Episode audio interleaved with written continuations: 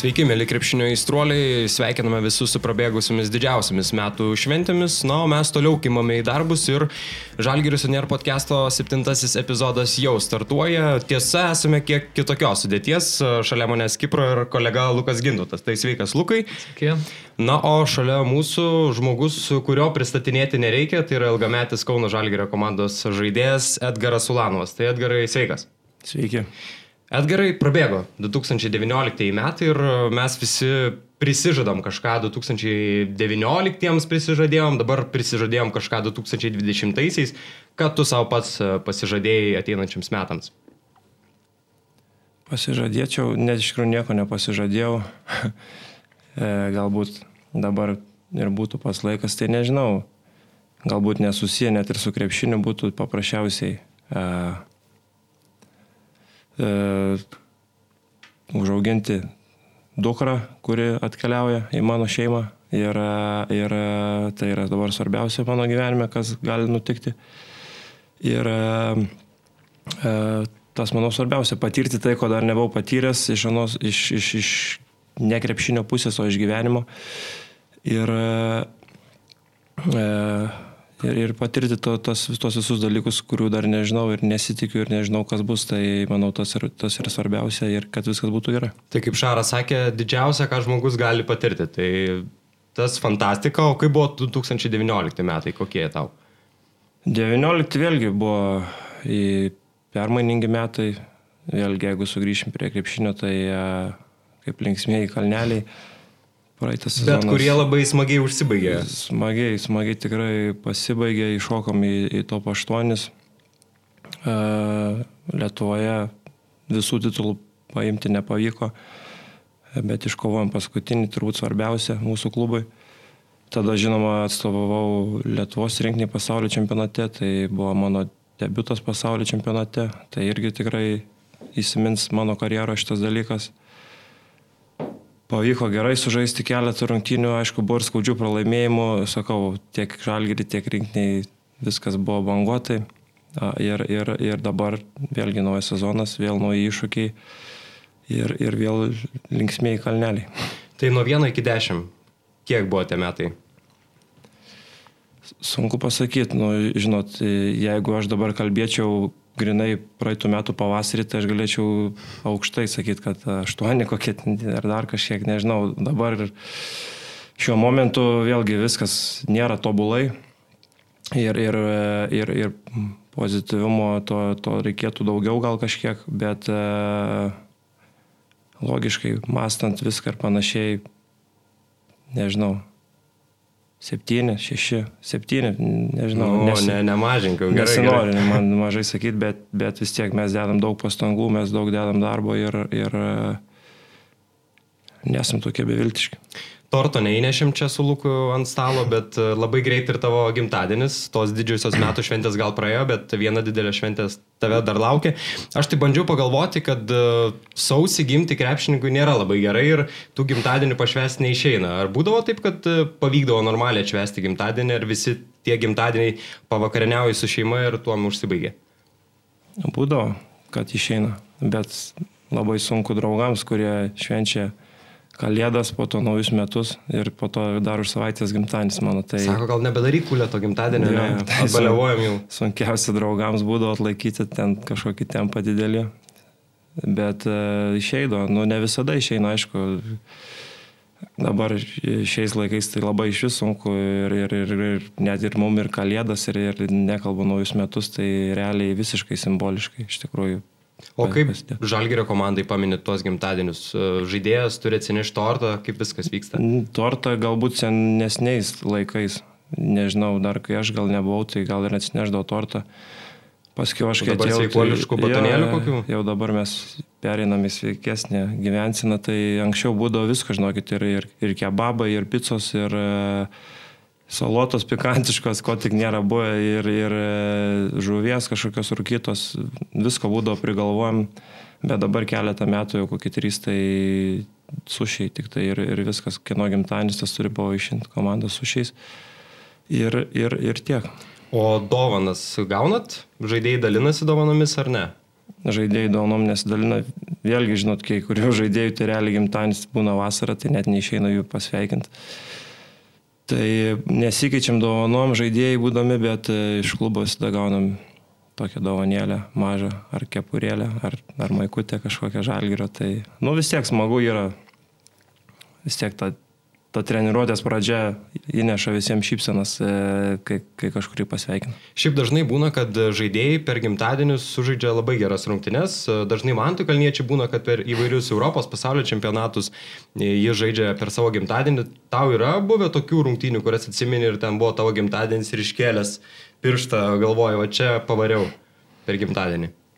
Nepasakyčiau, net, tikrai net neatsimenu, net ant tiek iš tikrųjų daug tų rungtynių sužaista, ant tiek visokių ir progų gerų, ir blogų, ir visko yra tiek nutikę, kad, kad nu, visiškai galų gale visa koncentracija net net ten būna, o, o kažkur kitur, kur galėjai padaryti geriau, kur blogiau, kur kažkas netiko. Galbūt kažkada yra buvo tikrai, bet, bet jau dabar ne viens, manau, nesureikšmina. Uh, Nebent joko formoje, jeigu gerai pasisektų, tai kažkas ir pasakytų. Arba jeigu net ir nėra gimtadienio, gal kažkas bandytų pasakyti, gal, gal čia šiandien tavo buvo gimtadienis, kad taip sekė.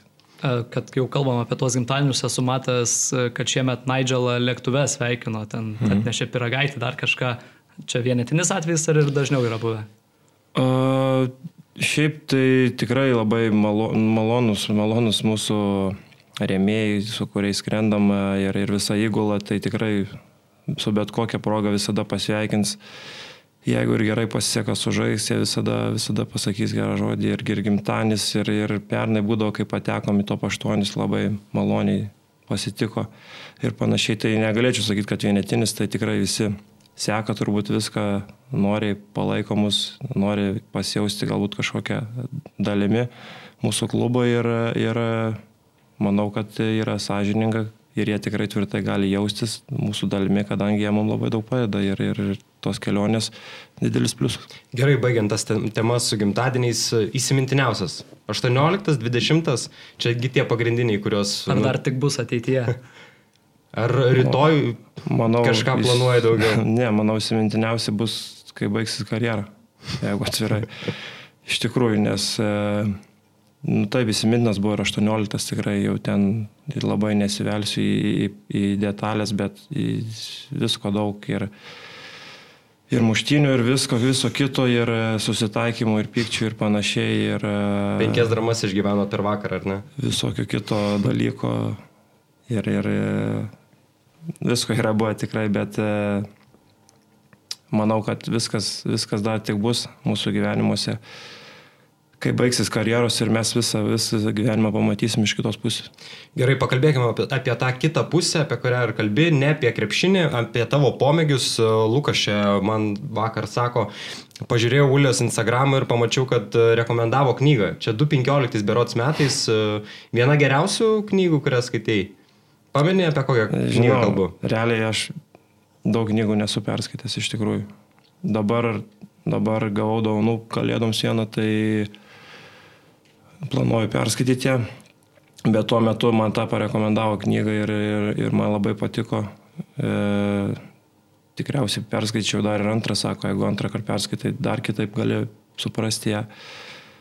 Tai tikrai gera knyga, manau, daugelis yra tikrai perskaitę ir e, labai lengvai skaitos ir paprasta, nereikia būti kažkokiam dideliam filosofui ir kažkokiam išminčiui, kad, kad e, suprasti mintį tikrai įdomi ir gera knyga. Čia mūsų klausytojams tik tai paminėsim, kad knyga vadinasi Dievas keliauja inkognito. Tai gal tas knygas e, bandai skaityti lėktuve, kai keliaujat su komanda, vienas iš praleidimo būdų. Nes esi minėjęs viename interviu, jog mėgoti tau neišeina lėktuve. Tai Niekas. knygos ar ne, kompiuteriniai žaidimai vieni iš tų dalykų, kurie padeda praleisti laiką? Realiai jo, šie, pernai ir šiemet, tai kai turim privatų lėktuvą, tai kompiuteris tai visada būna pas mane kupriniai, jo labiau, kad ir, ir pasikraut galima, turim galimybę tam, tai jo, pernai metais e, su Beno Udrichu uh, užsikabinom ir, ir žaidžiam visada menedžer futbolą. Tai, uh, tai čia geriausias yra draugas per keliones mano ir, ir geriausią laiką prastum galiu žaiddamas uh, menedžeriu. Kuris geriausias uh, žalgerio komandai? Kalbant apie kompiuterinius žaidimus, galbūt FIFA, NBA, tas pats menedžeris. Menedžerį realiai tai turbūt niekas daugiau nežaidžia apart manęs. Tai nėra didelės konkurencijos, jo. vienas pirmas ir esi. Aš buvau labai nustebęs, nes aš šiaip jau žaidžiu labai senai tą žaidimą, visada per keliones jau stengdavus pažaisti arba išvykose viešbučiuose kažkur. Tai ir Beno labai nustebino, daugiau, daugiau tokių žmonių nelabai yra. Nu, Marius, jisai pasižiūri tik tai kaip aš žaidžiu. Jis bando, nes tiepsis. Jisai patarimų man bando duoti kažkokiu.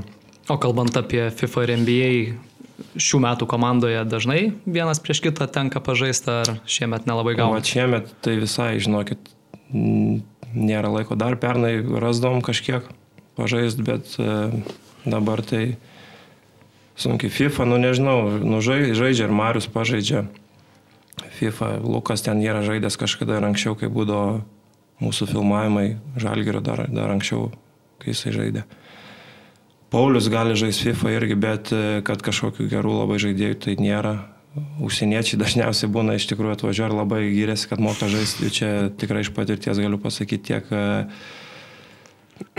ir Dybostas būdavo, kalbėdavo, Voltonas kalbėdavo, visi tikrai jau čia geriausi žaidėjai, FIFA jau čia jeigu susitiksim, tai bus, bet realiai daugiau šnekėdavo negu darydavo. Tai man irgi būdavo labai sudėtinga. Aš sakydavau, kaip jūs amerikiečiai, kuriems tas, nu, futbolą net neturit pavadinimo, ta prasme, soccer vadina, žinai.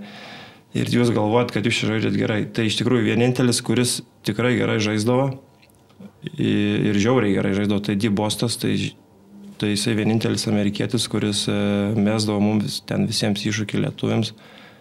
Ir, ir net ir aploždavo kelis kartus. Aš mačiau po vieną Instagramo nuotrauką, kad Bostas pakomentavo, sako, čia vieta gera pralaimėti, tu pasirašy, kad Žalgirio arena ir sako, čia gera vieta pralaimėti tau. FIFA, ja, tai ja, kaip ir minėjai. Tikrai gerai žaisdavo. Kalbant apie tą futbolą, nekartą tave yra tekę matyti ir stadione, Lukas uh, tikrai matė iš arti, kaip tu sakai net ir kalbą, uh, rūbinėje atėjęs futbolininkams, tai koks tas ryšys su futbolininkais, kiek tau ta sporto šaka svarbi? Žinot, man dabar labiausiai patinka tas, kai žalgyro futbolas, tai prasideda realiai viskas nuo pat pradžių. Iš tikrųjų, kaip, kaip e, pasikeitė pavadinimas komandos ir tapo žalgeris, tai jie tapo mūsų dalimi. Tai labai yra malonu ir įdomu stebėti, kaip viskas e, vystosi ir, ir, ir, ir kyla į viršų. Tai tas yra įdomiausia. Pernai jie ir debitavo Europos atrankoje. Aišku, nepavyko daug pasiekti, bet vis tiek nuo kažko reikia visada pradėti, tai tas yra įdomiausia ir bent jau man tai visada buvo įdomu futbolas, ypač dabar, kai mes turim savo miestę komandą. Uh, ko daugiau reikia norėti, realiai futbolas tikriausiai paėmus, jeigu imtume europinių arba kažkokiu dar pasaulio mastu, turbūt krepšinį net ir lenktų, manau, tikrai. Ir tai yra sportas uh, iš didžiosios raidės ir labai yra įdomus, tai sakau, uh, visi turim kažkokių gal svajonių, nežinau, ar, ar minčių. Po karjeros į futbolą? Ne, futbolą jau ne, bet e, kaip Lietuvos futbolas gali kilti ir panašiai, ar mes gal kažkada turėsim kažkokių žvaigždžių vienetus, ar, ar galbūt mūsų rinktinė sužais e, gerai ir ka, kažkur papulus ir panašiai. Tai manau, tų miestų visų komandos ir turi dėti tuos žingsnius ir neišimtis Kauno Žalgeris ir jie jau tą daro deda pirmosius žingsnius ir manau, kad laiko klausimas, kada kažkokia grupė žaidėjų iš tos komandos papildys Lietuvos rinktinę ir galbūt mes lietuviai galėsim pasidžiaugti futbolu labiau negu dabar ir, ir tuo labiau stadionai bus pilnesni nacionaliniam čempionatui ir panašiai. Tai Man irgi tas įdomu, aš labai svajoju, kad kažkada bus geriau negu dabar yra, bet e, svarbiausia nuo kažko pradėti ir, ir, ir, ir, ir tikimės geriausio. Užsiminė apie Kauno Žalgirio futbolo komandos debutą Europos lygoje, pats tas rungtynes stebėjai gyvai, teko taip pat stadione matyti ir Mantą Kalnėti buvusi Žalgirio krepšininką, Gytimą Siulį, kas galbūt dar iš krepšininkų taip pat kaip ir jūs simpatizuojat tam, tai sporto šakai. Tai taip, iš tikrųjų, man tas visada irgi Lietuvos rinkinė žiūri ir, ir seka Gytis. E, Gytis jau nuo žalgerio irgi, kai žaisdom kartu, visada su manim domėdavosi futbolu, pats irgi žaidžia, menedžerį tarp kitko. A, šiaip ir e, rinktinės metu, kai būdom, tai Kuzminskas visada irgi seka, irgi jam įdomu visada. Žalgerį galbūt daugiau, aišku, paskaito naujienas kažkokias kažką į stadioną nusi, nusivest sunkiau kažkiek. būtų, bet e, vat, masažistas yra dirbęs ir, ir daktaras yra dirbęs futbolo komandose, jie irgi įdomiai seka ir, ir jiem įdomu. Ir kartais net nueina irgi pažiūrėti tai, o kitus tai, žinot, užsienietį įsitemti į stadioną tai labai būtų sudėtinga, manau. Nes e, vėlgi nelabai ir supranta iš tikrųjų, kol kas neturim ką daug ir pasiūlyti, stadionai nėra aukščiausios kokybės žiūrovų, ne per daugiausiai emocijos, galbūt tos daugiau reikėtų ir panašiai. Bet e, sakau, keletą yra, kuriem įdomu, tik tai gal kiti neina į stadioną. Kazys Maksvytis yra minėjęs, jog į pirmąją treniruotę atėjai su raudonais futbolo marškinėliais. Pameni, kokie tie marškinėliai buvo? Pamenu, žinokit, ten ta istorija irgi gera, tik tai buvo jie futbolo marškinėliai, realiai ten net nei jokios komandos, nei kažkokie. Iš tikrųjų, tie marškinėliai realiai, žinot, kai būdavo vaikystėje parduotuvės, tenais nueini į drabužių naudotų kažkokių po 2 litus, po 3. Ir realiai aš nueidavau į tas parduotuvės ir vis daidavau prie tų maikučių, kur ten kažkas galbūt palikė. Ir e, jos būdavo spalvotos, ten margos kažkokios ir su numeriu. Tai aš e, jau gražiausia, kai pamatydavau, tai mano vienintelis būdavo tikslas pasimti tą maikutę kažkokią sportinę. Tai ir aš belė kur realiai naudodavau ir žaiddamas futbolo kiemė ir, ir, ir į tas treniruotės. Ir, ir pirmą treniruotę taip gavosi, kad aš atėjau į, į, į, su futbolo tą maikutę į treniruotę, aišku, jokingai gal biškai atrodė, bet realiai tuo metu tai nebuvo ten nei kažkokiu ten su inkariukais kitas galėdavo ateiti. Nesakė, kad e, futbolo treniruotės kito, kitam koridoriui, kitoj pusėje. Ne, nesakė, nes e, aš, aš, nu, nesakė, nes aš e, žiauriai norėjau lankyti krepšinį. Susiradau pats skelbėme bibliotekoje, kad ten treniruotės priemonės metus prieš aš lankiau akordiono pamokas. Mane mama buvo užrašęs ir, ir gerai baigiau iš tikrųjų. Vidurkis gal aštuoni buvo mano su akordionu grot, nes mano giminė yra ten rimtų akordionistų. Tai, vienus metus aš e, palankiau ir, ir aišku, sakiau mamai, kad aš nebeisiu daugiau, tu manęs nepriversi, sakau, aš noriu eiti krepšinį ir jeigu tu mane versi eiti, aš paprasčiausiai neįsiu, tu mane paleisi prie mokyklos ten tos, aš, aš nueisiu savais keliais. Tai ir nuėjau krepšinį ir apie futbolą net nebuvo jokių minčių, iš tikrųjų aš tik pažaisdavau kiemę. Ir, ir, ir krepšinis buvo svajonė, tik tai su futbolo marškinėliu. Esu nekartą girdėjęs, jog buvai toks aktyvus vaikas mokykloje ir tų bairių visokių padarydavai ir panašiai, tai aš įsivaizduoju, kad tokiam bičiui, kuris yra aktyvus, lankyti akordiono pamokas ir nieko nesportuoti, tai buvo, nu, ne kažką. Galima sutikti tikrai, kad... E, Norėjęs išsilieti kažkur. Jo, mokyklai nebūdavo, nu žinot, būdavo po pamokų futbolo treniruotis, nu aš jas eidavau visada noriai, laukdavau, bet krepšinio kažkaip pas mus nebuvo treniruočių mokyklai tuo metu, nei kažkaip Būdavo galbūt kažkokios treniruotės, du kartus į savaitę kažkoks treneris atvažiuodavo vakarais, bet ir vėlgi neaišku, kas tenai susirinks, kas ką, kažkoks galbūt studentas kažką tokio kažkokiai mokyklai bandydavo galbūt atstovauti ar kažką, bet į tokį net nesivėlėm. Ir, ir sakau, kai tam skelbimą radau, kad vat, Kauno krepšinio mokykla vis dėlto man susisiekimas nebuvo labai prastas, centras. Ir, ir tik reikėjo mamai kalbinti, kad, kad nuvestų į, į, į tą pirmą dieną į susirinkimą ir kad viskas pavyktų. Tai krepšinio labai trūko ir akordionas ne, nebuvo tas ta veikla, kuri kuri mane pilnai paten, patenkintų. O aš taip galvoju, jau iš karto į treniruotis, žaisdavai, sakykime, kaip lengvasis kraštas, ar žaisdavai per penkias pozicijas ir po to už mokyklą žaisdavai irgi ten per penkias pozicijas. Ir kamolį pasivaryti ir pacentruoti, ar ne, tai būdavo? Už mokyklą tai tikrai žaisdavau. Nu, ten, mokyklą... kur visi jaučiasi žvaigždės, ten ir aš ir Lukas jaučiu esam po jo, 40 taškų. Jo, tai- mokykloje būdavo didžiausias kaifas žaisti tikrai ateidavo ten tie, nu, mūsų salė nebuvo daug pilna, nu, netalpita salė ten realiai. Soliukai medinė. Šoninė, šoninė linija tai siena, realiai mhm. -huh. skaitydavos, tai dar soliuką pastatydavo, tai atsistojant tų soliukų ten palaikydavo. Nu, aišku, čia visiems panašiai turbūt yra buvę. O kai atėjau į krepšinio mokyklą, tai iš tikrųjų visus pagrindus išmokau realiai gatvėje žaisti, nes e, mano geras draugas mano kaiminystėje su juo visada žaisdavom. krepšinį, nu jisai gal, aš nežinau, aš visada sekdavau žalgerį, ten lietos rinkinė, ten plakatai, krepšinio žurnalai, visą kolekcionuodavau, žiūrėdavau, nekalbu apie kambarį pakabintus krepšiukus, tenai iki pat nakties daužydavau, kol mama ten išprotėdavo ir netimdavo ir ten varydavo mėgot mane. Po to laukia prasidėdavo kaimynai, visokie pykdavo, kad ten pastoja garsai visokie. Tai gatvėje pradėjom žaisti su vyresniais būdavo, aš iš Aleksoto esu, tai Aleksoto aerodromas yra Aleksoto. Ten, vis, ten būdavo aikštelė ant asfalto ir ten realiai kartais net iš pamokų pabėgdom, kad pažaist, nueit su kamoliu.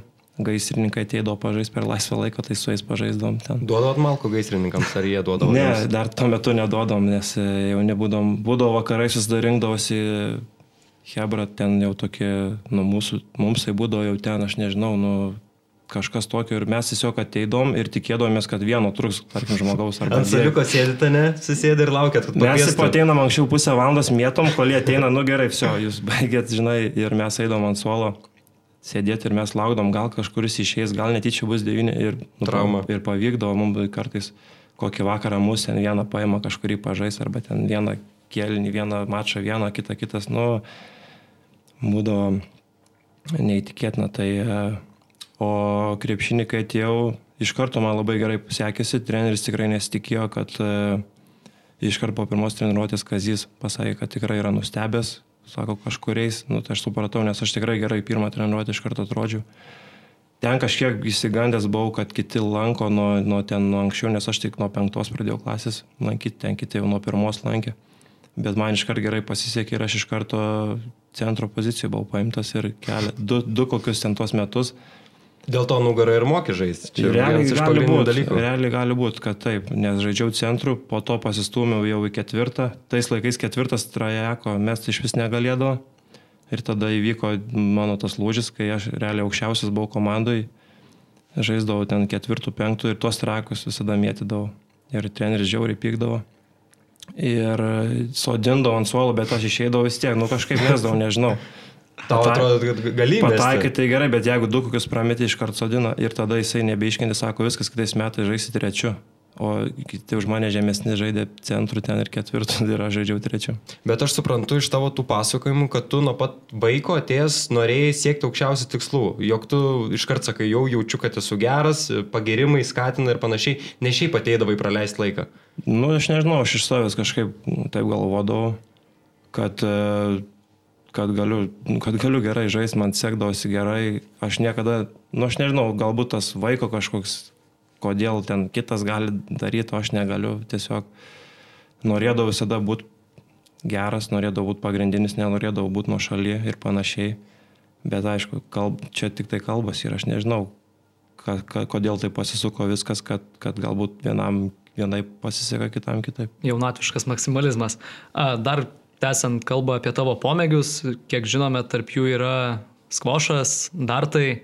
Jo. Trumpai apie tuos dalykus. Skvošas e, tai prasidėjo galbūt prieš tris kokius metus. E, realiai tai pradininkas viso to galbūt tenisas, nes ir tenisą tenka pažaisti. O su Maskaliūnu esat prasmet, ar Ne, ne? su Maskaliūnu nesu, bet tai, kiek žinau, nu Maskaliūnas jau... jau Jis jau pažengęs. Jau mūsų, mūsų levelį, tai jis jau aukščiau yra tikrai. O tenisas buvo pradininkas, tai galvom pabandyti skvošą, nes e, realiai didelio ten talento kažkokio nereikia. Jeigu tu su savo draugu kažkokiu, kuris irgi nėra žaidęs ir tu naisi su juo, tai gali tikrai linksmai praleisti laiką ir, ir kažkokių sugebėjimų didelių tikrai nereikia, nes e, realiai tik kamuliuką mušti į sieną ir viskas. Tai užkabinau ir, ir Vaidą Kariniauską, užkabinau ir dabar Mariu Grigonį, realiai Grigonio šeima dabar visa žaidžia skvošą. Ir, ir, Užkrėtei. ir, ir brolis žaidžia Marius, ir, ir tėvas žaidžia, sakė, tėvui ne dabar ir kažkokių problemų atsirado su nugara po skvošą.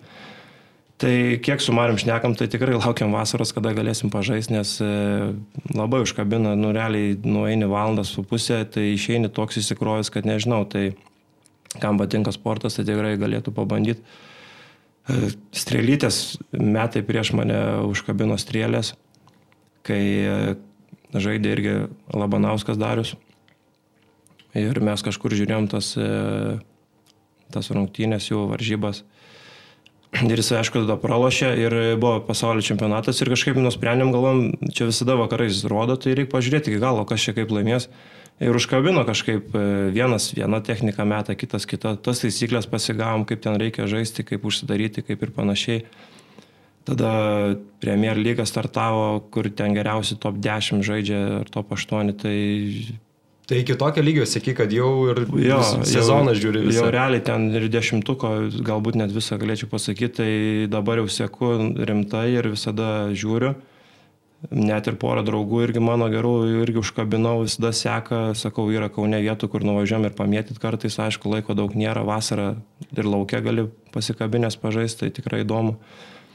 Ir, ir įdomus sportas iš tikrųjų labai, labai reikia turėti tvirtą psichologiją, norint gerai žaisti strėlytės ir atrodo, kad lengva mesti strėlytę ir ką čia, galvoju, pasitreniruosi, pamėtysi, bet iš tikrųjų psichologinis spaudimas yra, yra milžiniškas, nes tu esi vienas ir išsisukti iš kažkokių situacijų tikrai nėra lengva arba jeigu tau gerai sekas kažkurį laiką, vis tiek kažkada ateina galvoj mintis, kad nu, negali taip visada sektis.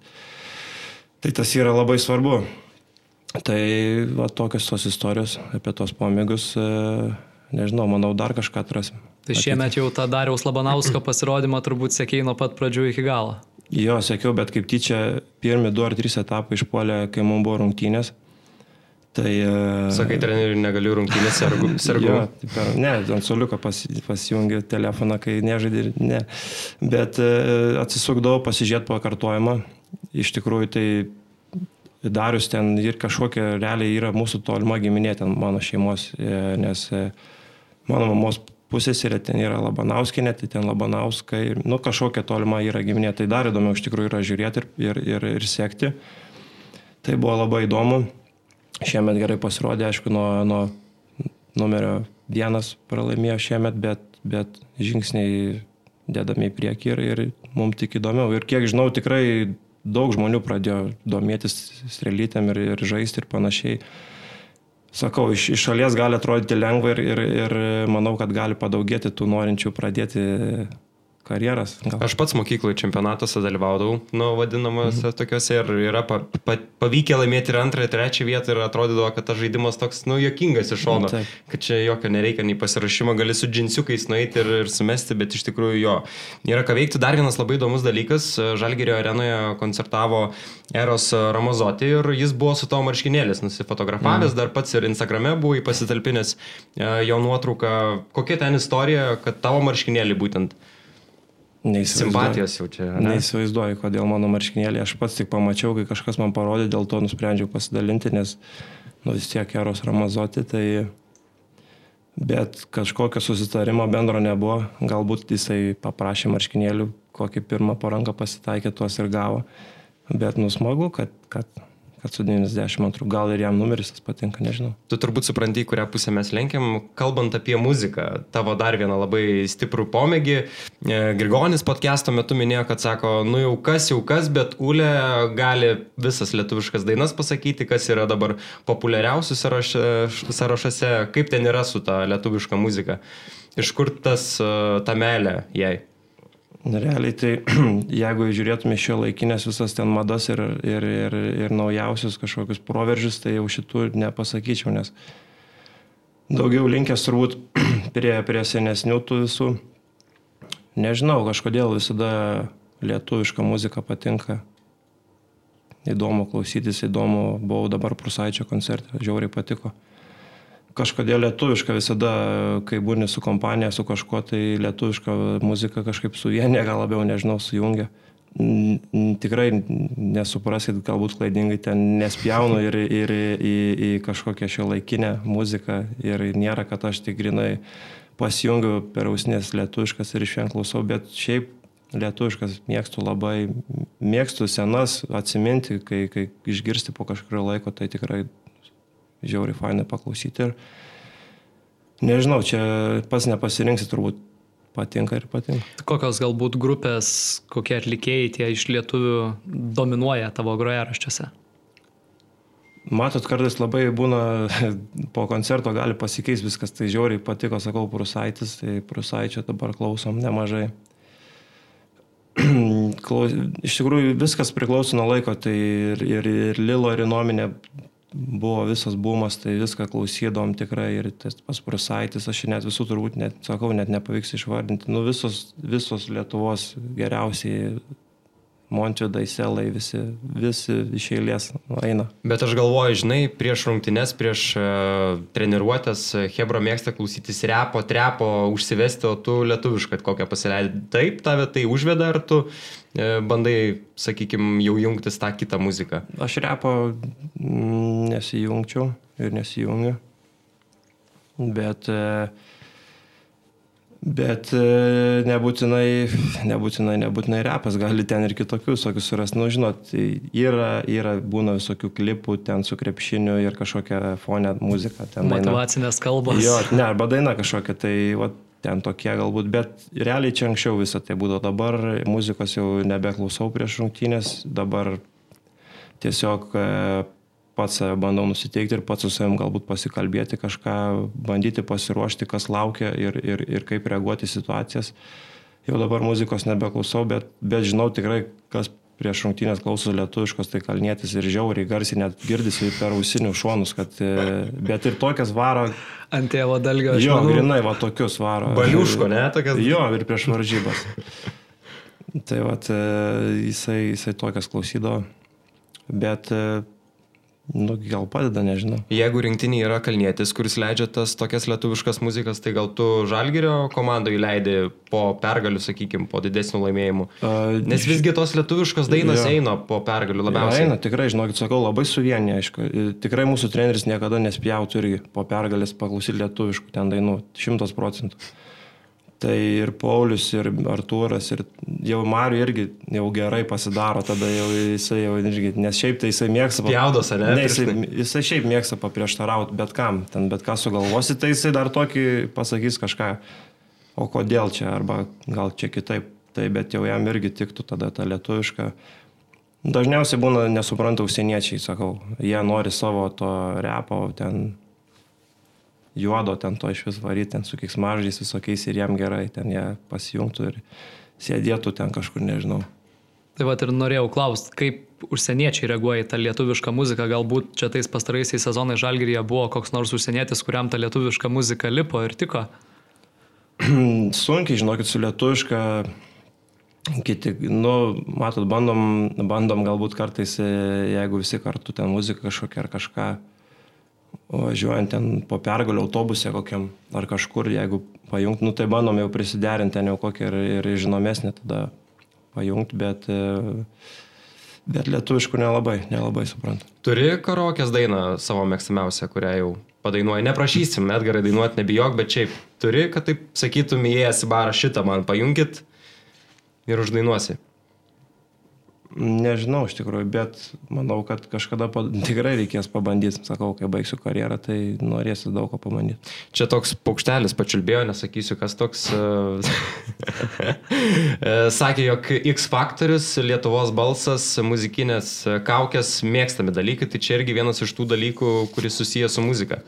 Ar tai yra vienas iš tų būdų, kaip tu relaksuoji po varžybų, po rungtynių, po treniruočių ir praleidi laiką, ar Taip, nu, mes vakare e, visada ateina ten savaitgalis ir jau tos mūsų pagrindinės eina su žmona. Žiūrim, atsisukam ir tas kaukės, ir balsus. Nu vis tiek įdomu, nežinau. Ir, ir vakarą praleis gerai, ir, ir, ir nesutik gal kartais, ir, ir, ir paspėliot, ar gerai padarė, ar blogai padarė. Ir paspėliot, ar Lietuvos balsė atsisuks, jo, ar ne, pas metu, kad atsisuks. Ar, arba kurie ten praeis į kitą etapą ar panašiai. Tai, e, Tai nežinau, įdomu kažkaip, ką žinau. Ir, o ta muzikinė kaukė tai irgi, manau, susijęs, sakau, su ta lietuviška muzika. Nu ir ne tik lietuviška, bet e, jeigu atsukam laikrodį atgal ir ten labai daug pasirodymų, kurie yra buvę kažkada senai ir panašiai, tai irgi labai įdomu pažiūrėti, kaip jie padaro ir, ir, ir pasijokti. Tai kuris favoritas didžiausias tavo iš tų visų projektų? Gal iš senesnių, gal? Iš senesnių, man labai patikdo, palaukit, Martinas vardas jis ar, ar Martinas Levickis? Ne? Ne, ne Levickis gal. Kavaliauskas, ne? Jo, jo yra. Toks, jo, jo, yra. Tai jisai tą sezoną žiauriai ten gerai padarė, tai sakau, įsimintiniausias turbūt jisai. Supratau. Kalbant ne apie hobius jau, apie krepšinį, prisiminkime tuos auksinius metus. Lietuvos jaunimo rinktinė laimėjot viskas, kas įmanoma. Ir aš taip galvoju, ar įmanoma visus tuos sudėjus tavo laimėjimus palyginti su tuo, ką esi laimėjęs su Žalgeriu Lietuvos krepšinio lygoje arba patekimas į Eurolygos finalo ketvirtą? Manau, net neverta lyginti iš tikrųjų, nes kiek yra Europai tų žaidėjų, kurie dominuodavo jaunių ten jaunučių kažkokiuose, būdavo MVP ir, ir prapuola, tarkim, kažkur ir krepšinė.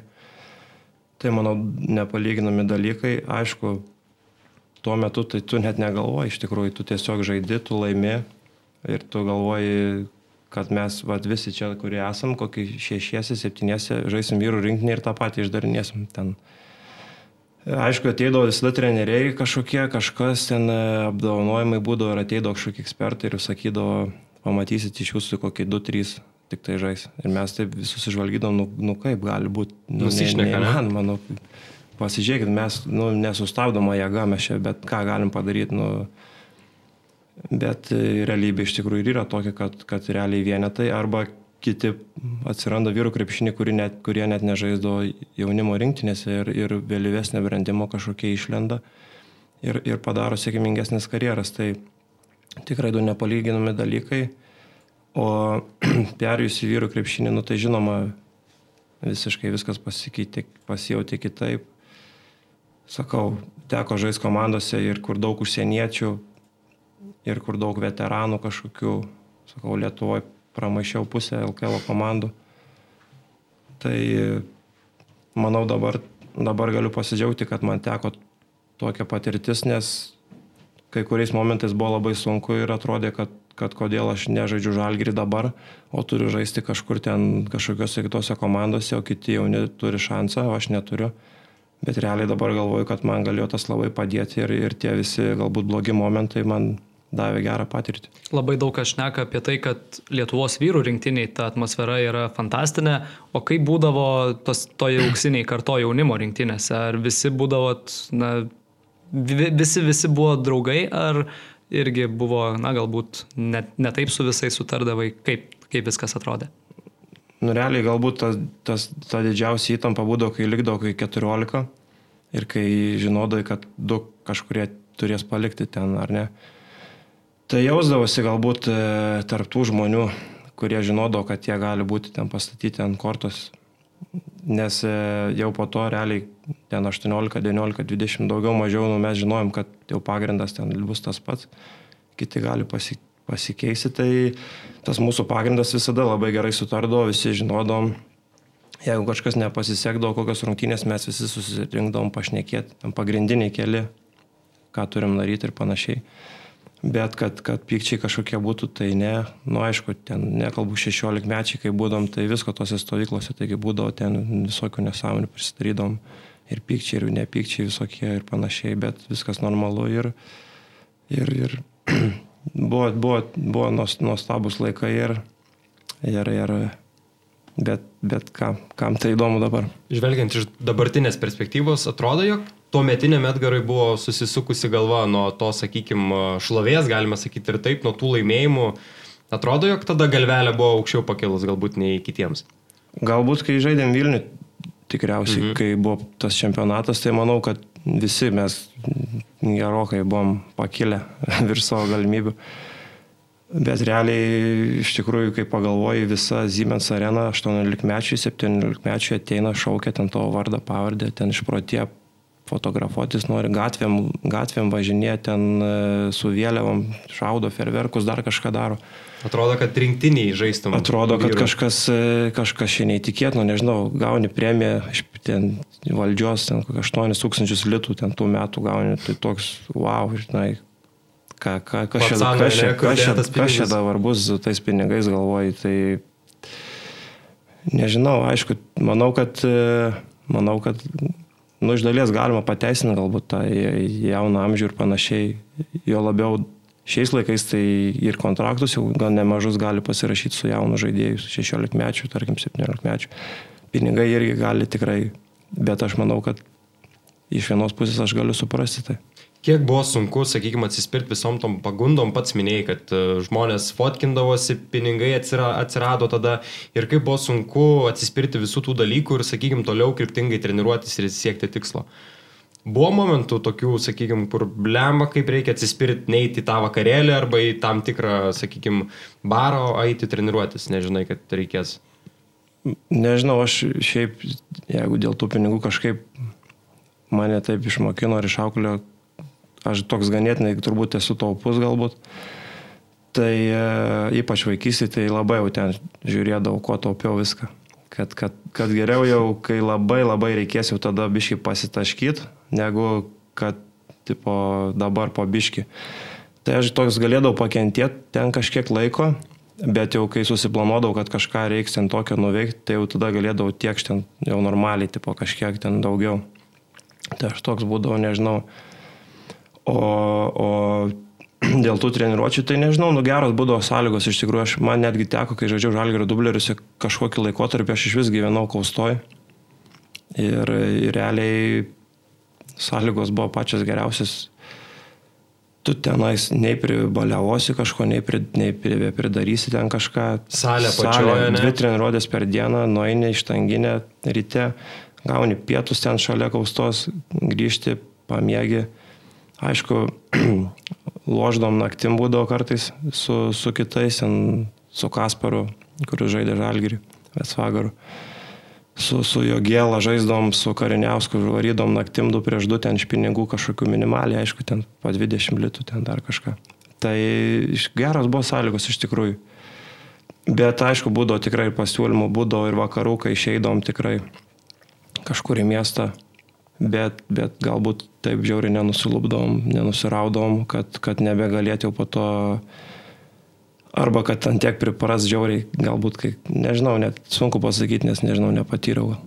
O Kal, kalbant apie tuos vakarėlius, įsivaizduoju, kad toje auksinėje rinktinėje, jau kai laimėdavot jauni visi, kažką gal apie tuos vakarėlius, šventimo akimirkas. Ne, tai mūsų karta būdavo turbūt jeigu švesta irgi imtų aukso medalį, aš man atrodo, nes būdavo, nu, realiai stebėdavos net ir kitus ten šalių treneriai iš tikrųjų. Bet treneris pykti negali, kad jis Maksvytis pergalės iškovotos. Treneris nepykdavo, bet jo, mūsų jau toje karta buvo, nežinau, čia ar lietuvių toksai brožas ar ne, bet, bet jeigu laimėdom, tai švesdom tikrai stipriai kelionės, kelionės būdavo nelengvos atgal, aišku, nes pasitikdavo ten ir prezidentūras, tai ten viena, nu, realiai reikėdavo ir to pačiu švęsti ir saugoti viens kitą, kad po to netrodytum kvailai. Tai, nu, būdavo tikrai vakarėliai stiprus, jau nuo tų laikų realiai, kaip pagalvoti. Dabar jau nebūtų taip galima, man atrodo, ten dar suvėlinti yra amžiaus tas limitas. Bet e, tada tai jo, būdavo būdavo stipru. Kai buvo Vilnių čempionatas irgi stipriai šventėm, buvo Rygoje čempionatas stipriai šventėm ir, ir grįžę dar į Lietuvą netgi kažkiek tai biški šventėm. Tai pavyzdys gal nekoks, bet, bet jeigu kažkas laimi, man atrodo, tai nusipelno. Mm, Kazis Maksvytis yra tavo palyginęs tais laikais su Sergejumi Jovaša. Esi girdėjęs apie tokį palyginimą? Kažkur gal esu girdėjęs. Matai panašumų tarp tavęs ir... Realiai niekad ne, nematęs iš tikrųjų nei žaidimo stiliaus, nei jo vašos, nei ką. Iš tikrųjų tek yra dirbtų Sergijom, kai žaidžiau Baltose, jisai buvo direktorius tada.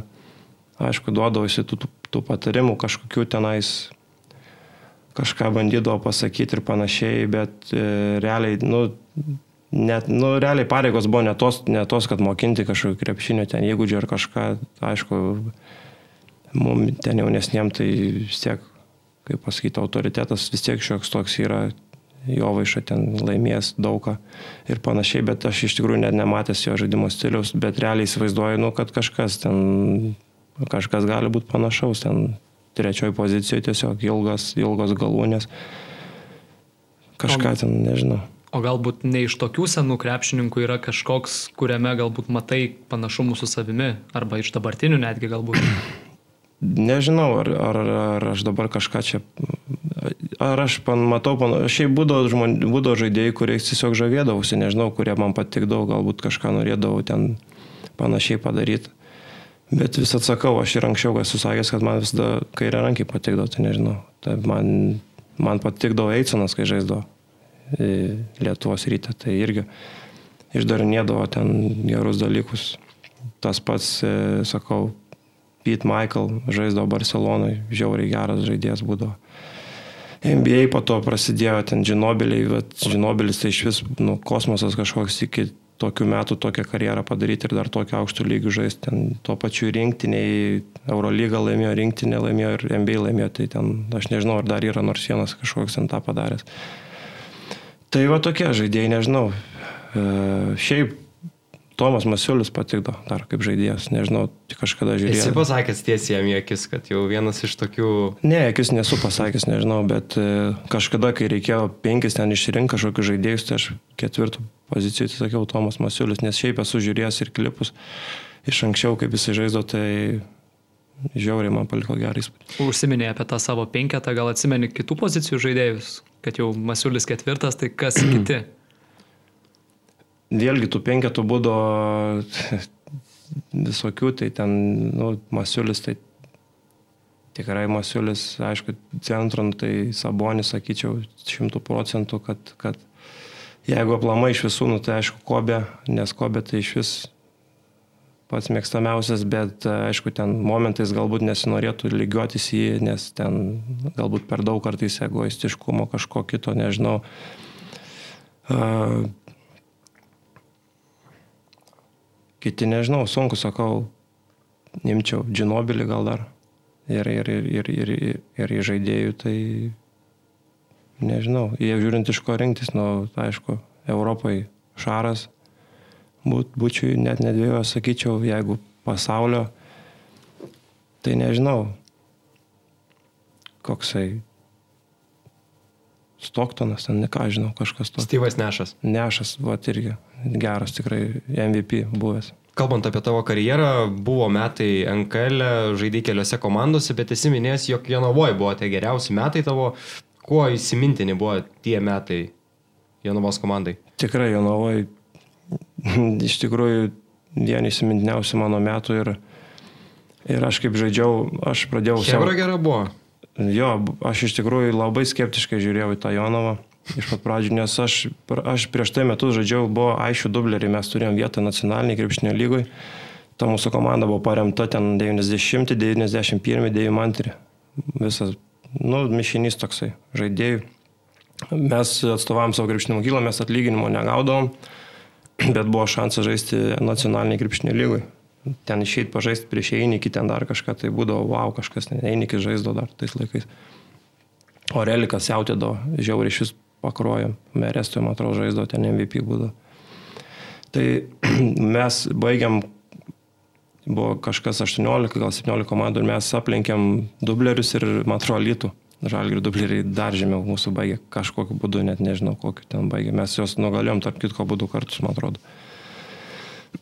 tai mūsų komanda pardavė vietą kažkam ir, ir nu, buvo belė kaip gaila, nu, mes jau tokie čia pažadė, man ten 15 metų, man ten sekas po 10 taškų, ten kažką tokio. Ir vėl dabar be nieko, ne? Jo, ir dabar viskas baigėsi, o ten finansiškai buvo geras pasiūlymas, krepšinio mokyklai, ten parduota vieta, aš nežinau, kažkas ten nenupirko tą vietą, gal ten, kad tavų gal kokie kažkas tokio. Ir ką, ir man rinkinė kažkokia buvo ir, ir, ir aš važiuoju kažkaip ir sako, va, jo naujos atranką turėsi nuvažiuoti. Ir nuvažiavau šitą atranką, aš nesuprantu, nei kas čia vyksta, ten kokį 30 žmonių. Ir sužaidėm tenais dvi dienas ar kiek kažką ir e, visos išrikiautos 30, aš to trenerio nežinau, bet jis ten kaunietis, Kazio geras draugas, tarp kitko irgi buvo. Ir žiauriai geras treneris, man labai irgi jisai patiko. Jonavos. Ir jisai pradėjo visus vardinti ir mane ten vos ne patį pirmą, to viskas būsi, sako, o, galvoju, čia geras, žinai, o kitus ten tokius vyresnius, ten jau tokie. Kokie buvo tie žaidėjai? Daug buvo, buvo, bet realiai, nu, visas pagrindas buvo nacionalinės, ten visi Lensevičius, tai buvo pas mumis, aišku, kit, nu, kiti nepateko, būdavo, buvo tokių vyresnių, ten e, Normantas, ten būdavo toks kastytis, ten dar būdavo kiti kurie per tos, per tos pasižaidimus tenais labai reikšdavosi, ten daug riekaudavo, atrodydavo, nu, blemba, čia, čia galvoju, rimtas, rimtas dalykas, čia taip, žinai, nebus, aš pernai žaidžiau su savo ten metais, tai ten galėdavau dar balsą kažkokį turėdavau. O čia galva nuleido. Mane iš karto paėmė ten kažkokį Jonavietį veteraną, kuris ten visą savo karjerą žaidė ir jo nepaėmė ten, žinai, jisai ten irgi žiūri, tipo mane paėmė ir ten toks, tokiu žvilgsniu. Ir ok, galvoju, nu ką, ir, ir, ir, ir ką, sudarėm ten tą sutartį vienu metu 500 litų į mėnesį. Ant kūro pusę, ne? Jo, pusę ant kūro važiuodom. Realiai buvo pagrindas kauniečiai, kokie trys vienaviečiai, dvi mašinos važiuodavo ar trys iš Kauno visada ir mes davomės ant kūro. Tai kas sakau, įstrigo, tai žiauriai gera Hebra, aš buvau pats jauniausias toj komandai tada Ir mane iš tikrųjų taip priemė visi, ten po, ten po 30, ten dar kažkas 28, kažkas ir jau jie ten tikrai įsitvirtinę, toj nacionaliniai tikrai geras statistikas rodė, ten Stosilionis, Povilas, tenais visada nacionaliniai krepšinio lygo žaisdavo gerai, ten aišku, ne mane vieną paėmė, po to ir kitų dar paėmė iš aišių, bet ir daugiau buvo ten tų Sebežovas, pavyzdžiui, kuris NKL, e, tai realiai vienas ten iš, iš istorijų, vienas iš geriausių žaidėjų, ten Lensevičius ir panašiai. Tai ir mane, ir mane taip jie gerai priemė kažkaip į tą savo hebrą, aš realiai jaučiausi lygus su jais visais ir pabajarodom visi ir viską, sakau, ir važiuodom kartu į, į, į tą Kauną, iš Kauno visi gerą laiką žiauriai turėdom. Baigiam sezonę aštuntį, man atrodo, ir, ir sakau, ir tada nugalėjom pirmą vietą, iškart pliopose nugalėjom ten mažai iki gal buvo, nežinau. Tada iš karto šoko man ar irgi labai aukštos ten kažkurios vietos ten ir išėjom į finalą, vienu žodžiu, ir tik finale pralaimėjom palangai, kuri išėjo LKL tada ir žaidė LKL, tai palangai pralašėm 4-2, man atrodo, tada, bet, bet kad iki finalo nuėjom, tai niekas tikrai netikėjo ir, ir tie metai irgi, manau, buvo labai svarbus, kad, kad, kad, kad, kad galiu žaisti. Vėliau neilgai trukus atsidūrė ir pats Lietuvos krepšinio lygoje, tai buvo ir Pasvalys, ir Panevežys, buvo ir Klaipeda. Ar nebuvo tuo metu kažkokio momento, kai jau galbūt netikėjai, kad gali praverti žalgrio duris? Ar visą laiką buvo tas galvoje, kad tu tikrai čia būsi ir kad žaisi? Buvo, buvo, buvo, buvo labai sunku pasvalį, kai žaidžiau. Nes Baltose, kai žaidžiau, tai vėlgi taip, mūsų iš pat pradžių Baltų komanda surinko žiauriai gerą. Mums atsiuntė realiai žalgerio ten tarkim 12, 13, 11, 12, 13, 3 žaidėjus, kurie yra ant žalgerio lenkščio ir atsiuntė jos pas mumis ir mes pradėjom pasiruošimą. Dar ir net buvo ir Juškevičius, ir, ir Lipkevičius pradžiai. Visi tie žaidėjai Vasiliauskas, Janavičius, nužiauri kartą ir mes, ir, ir iš mano, tai aš Čižauskas buvau Sorokas, paskiau ir vyresnių buvo, Dėlašas pas mumis buvo, bet tada prasidėjo ten tie visi bairiai, ten Romanovas liktais buvo tais tuo metu. Ir tada pradėjo mus visus ardyti. Mes pradžiai sezono lentelį, man atrodo, stovėjom trečioje vietoje, mes pralaimėjom tenais rytui, žalgiui ir man atrodo prienams. Vieną. Visus kitus mes... Ap... Nes komandėlė gera, visiems žalgiui buvo ribos. Žiūrėjau, jeigu, jeigu mūsų būtų išlaikus tą komandą iki pat galo, mes jau čia galėjom su prienas būtume dėl trečios žaidę mažam finale. Ir tada prasidėjo ten nesąmonės, tai Lipkevičių paėmė žalgirį tada Tada Lietkabeliai prasidėjo finansinės problemos, ten kažkokia buvo bendradarbiavimas tarp Žalgirio ir Lietkabelio, tai išsiuntė iš karto tris žaidėjus Drungelą, Čiapokaitį, Vasiliauską, Lietkabelį. Tada dar kažkas ten Simsander vienė išvažiavo į, į, į Vefą liktai žais, dar kažkur. Nu, mes visiškai pabirom, pas mus liko tik tai Dėlašas, man atrodo, Kupšas buvo Žylė, aš buvau Tai buvo, dabar net nežinau, ar Čižauskas iki pat galo irgi išbuvo komandai. Ir tada pradėjom stiprintis iš kitur, jau biški tokio žemesnio galbūt lygio, ten iš, iš kitų komandų, iš NKL, dar iš kažkur. Ir aišku, nepatekom į playoffus, bet tada vėlgi pasikeitė ten ta sistema vidury sezono. Šešios tik tai komandos patekom, atrodo, į playoffus, ten nu, kažkokia buvo iš vis nesąmonė, tai Tai taip ir subirėm, net ir trenerių netekom, nes buvo treneris Kostičius, kuris, kuris manau, mums visiems jauniem žiauriai daug davė, žiauriai gerą, davė gerą pamatą, kaip aukštam lygiai reikia dirbti. Tai, tai taip ir baigėsi sezonas, aišku, sezonas man buvo asmeniškai geras, aš daug gavau žaisti Lietuvos krepšinio lygui, pirmie metai ten sekėsi vieną kartą geriau, kitą blogiau, bet būdavo ir spūdingų mačų, kur ten ir, ir daug primesdavo ir panašiai. Tada, kai nuėjau pasvalį, tai sakau, buvo labai sunku, nes išvažiuoti pirmą kartą reikėjo realiai iš Kauno, nes jau, jau visam išvažiuota prasme, su visais daiktais. Tai pradžiai buvo nelengva. Sakau, penkis turėjom amerikiečius, e, kurie irgi sunkiai buvo galbūt tva, e, tvardomi, kaip pasakyti, nes, nes realiai atvažiavo pasidaryti statistiką ir išvažiuoti, vos netokiam lygiai. Aišku, su lietuviai žiauriai gerai palaikydom ryšį visais, e, kurie buvo su kažko naujai, susipažinau su kažko net ir panašiai, bet uh, Buvo nelengva, tikrai pasakysiu, vat, pasvaliai buvo labai sunku ir, ir, ir galvojau, kad, kad e, kažkas čia, kažkas čia ne taip, ne taip, bet po pusės metų pavyko susitarti, kad mane paskolintų lietkabelį. Ir lietkabelį, va tada jau pusę metų pavyko atgauti savo pasitikėjimą grinai, nes e, irgi žaid, nu, sunki situacija tas laikais būdavo iš tikrųjų visose turbūt komandose. Nu, sunku būdavo išlaikyti, realiai komandos keisdavosi, kai nežinau, pusę sezono jau kokie 4-5 žaidėjai pasikeičia, ten dar kažkas ateina, vėl išeina, tai va taip būdavo ir tada tai su Lietkabeliu baigiam, ten irgi pliofus net nepatekom, bet jau tada jau gavau žais, jau tada pasitikėjimas buvo su visais daug žaidžiau, ant savęs galėdavau daug pasimti. Ir tada, sakau, realiai Neptūnas pakeitė viską, visą tą, tą didžiausią šuolį padarė, kai Kazys paskambino ir pasakė, kad e, imsim tą Neptūną.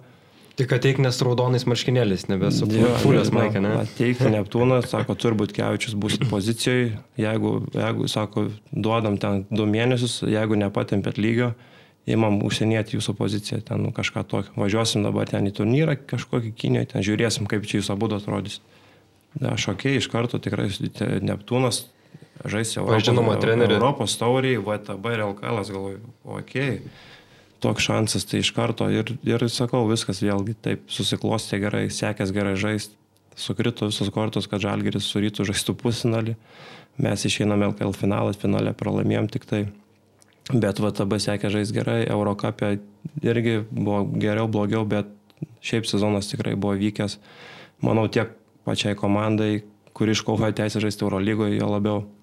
Ir, ir tuo pačiu man irgi atvėrė, atvėrė dar didesnius šansus, pakliūti žalgirį. Perinant e, dar iki žalgirio, e, Mariukas čia pasakojo, kad pasvaly sako, net e, taupimo režimo reikėjo jungti, nes net teipų nebūdavo tiek, ne, pakankamai reikėjo tik vieną koją teipuotis. Nu, būdavo viskas, tikrai, nu, nebūdavo lengva. Realiai tas klubas tuo metu ganėtinai buvo jaunas, iš tikrųjų, ir, ir, ir pati buvo pradžia. Kažkiek galbūt būdavo nesubalansuoti nesubalansuotas pinigai ar kažkas, kiek skirti žaidėjų atlyginimam ir kiek skirti medicinai, priežiūrai žaidėjų ir panašiai. Nu, sakau, jokingų tikrai būdavo situacijų kartais.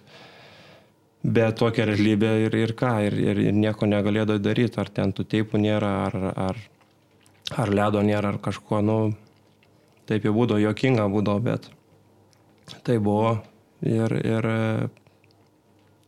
nežinau, sakau, noriu tik tai gerą pasimti, o, o, o, o negalvot, kad ten kažkas buvo blogai, nes negali žinot. Kaip ir pats minėjai, finalas su Žalgiriu, Vilkint Klaipėdos Neptūno marškinėlius, pats puikiai tada žaidėjai ir tada Kauno Žalgiris. Pameni tą pirmąjį sezoną?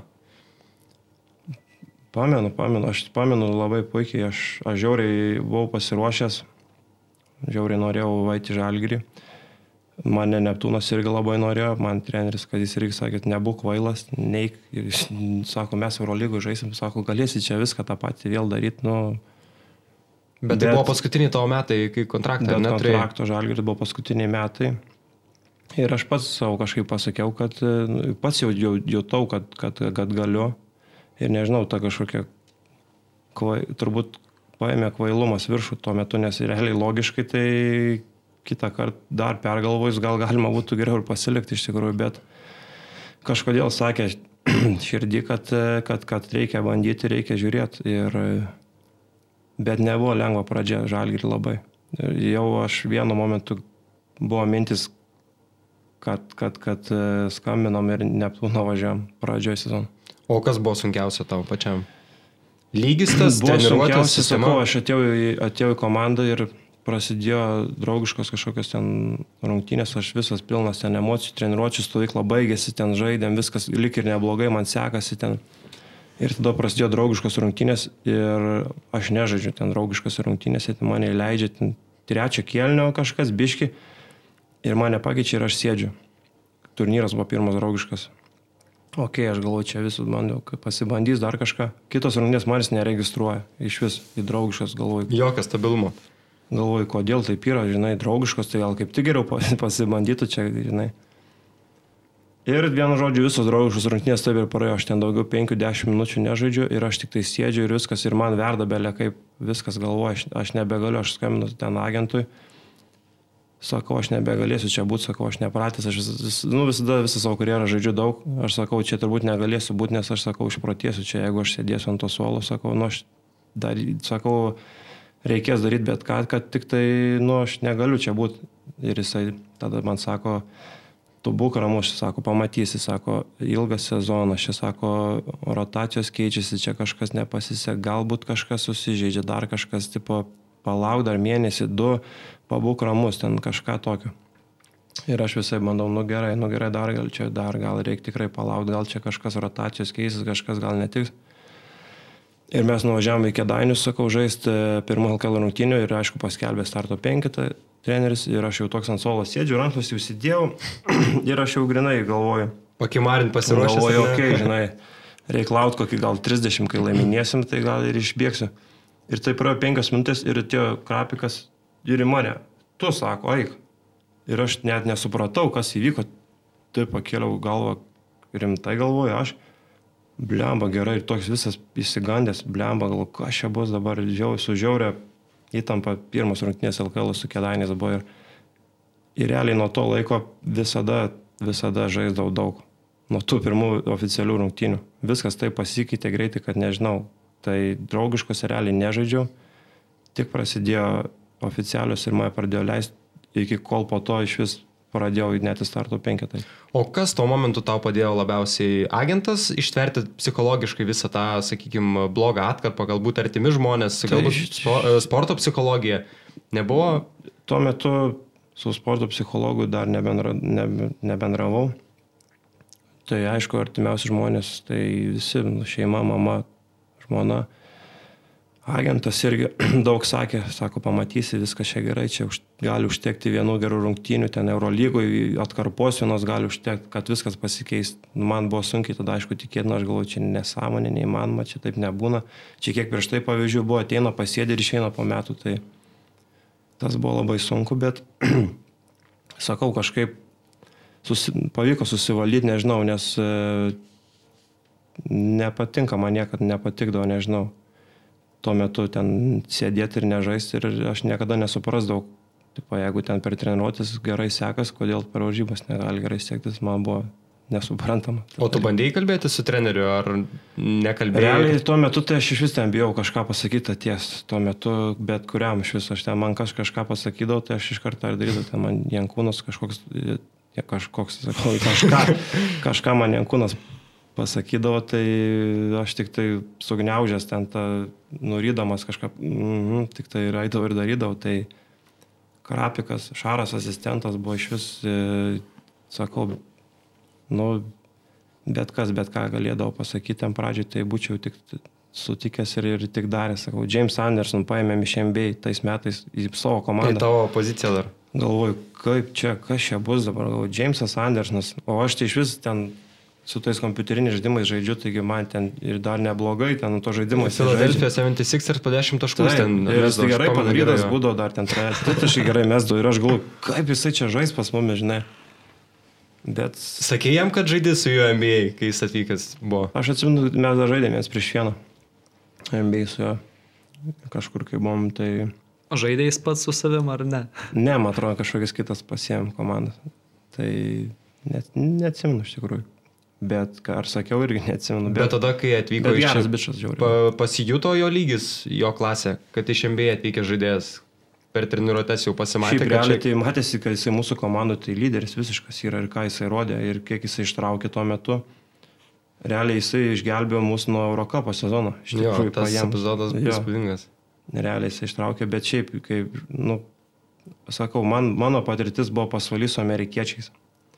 Kokie yra kaip žmonės ir kokie atėjo į žalgerį žmonės, tai buvo kaip diena. Aš, aš jau realiai buvau pradėjęs galvoti, kad, kad daugiau ten, nežinau, negu kažkoks dalis užsieniečių atvažiuoja ir jie tu grinai atvažiuoja į Lietuvą, ten vat, grinai savo kažką pasimti ir, ir išvažiuoti ir jiem ne, visiškai niekas neįdomu, jie palinksės galvą, apsimės, kad viskas gerai ir išvarys, bet pasirodo, kad iš tikrųjų uh, turbūt čia ir yra lygio skirtumas, turbūt, kurie žaidėjai žaidžia aukštesniam lygiui ir yra kaip žmonės geresni ir kurie negali pasiekti to gero lygio, nes yra galbūt dalelytė talentingesni, bet kai žmonės nėra tokie geri, turbūt nežinau, ir, ir, ir to kartais trūksta. Jo, būtent aš manau, kad e, dar tos statistikos pasigerinimas, sakykime, yra tikrai e, tų legionierių atžvilgių atvyksta. E, kalbant apie tuos MBA žaidėjus, ne tik James Andersoną, pats 2017 metais vasarą buvo išvykęs treniruotis ir su Russellu Westbrooku, ir su Anthony Davisu. Kokia ten patirtis buvo su šiais žaidėjais, esi pasakojęs, jog Westbrookas, nu, nerealus ten šuolis, sprokstamoji jėga, bet kokia ta patirtis, kaip Anthony Davisas atrodė iš arti? Anthony Davisas realiai krepšinio tai nieko nedarė, iš to anginiai tik tai man teko su juo būti. Bet e, patirtis, nu tai neįkainama, aš niekada negalėjau pagalvoti, kad, kad taip gali viskas vykti paprastai, man atvažiavus iš Europos, kažkur ten į Los Andželą ir panašiai Niekas negalėjo patikėti, sako, iš kur tu čia esi, kur tu čia žaidži, gal čia kažkokiame tepo universitete, gal čia kažką žaidėjai ten Amerikoje, kažką nesako, aš iš Europos atvažiavau, žinai, pasitreniruoti, ten, nu, negalėjo niekas patikėti, kad, kad taip gali būti, bet aišku, mano agentūra labai daug padėjo, ten tas e, treniruotės man suorganizavo, man tik tai reikėjo susirasti, kur gyventi ir panašiai. Tai sakau, nu, ateidom, realiai viena treniruotė į dieną, bet antiek, antiek išneždavo žiauriai, kad e, viskas visai dienai nieko nenorėtų daryti.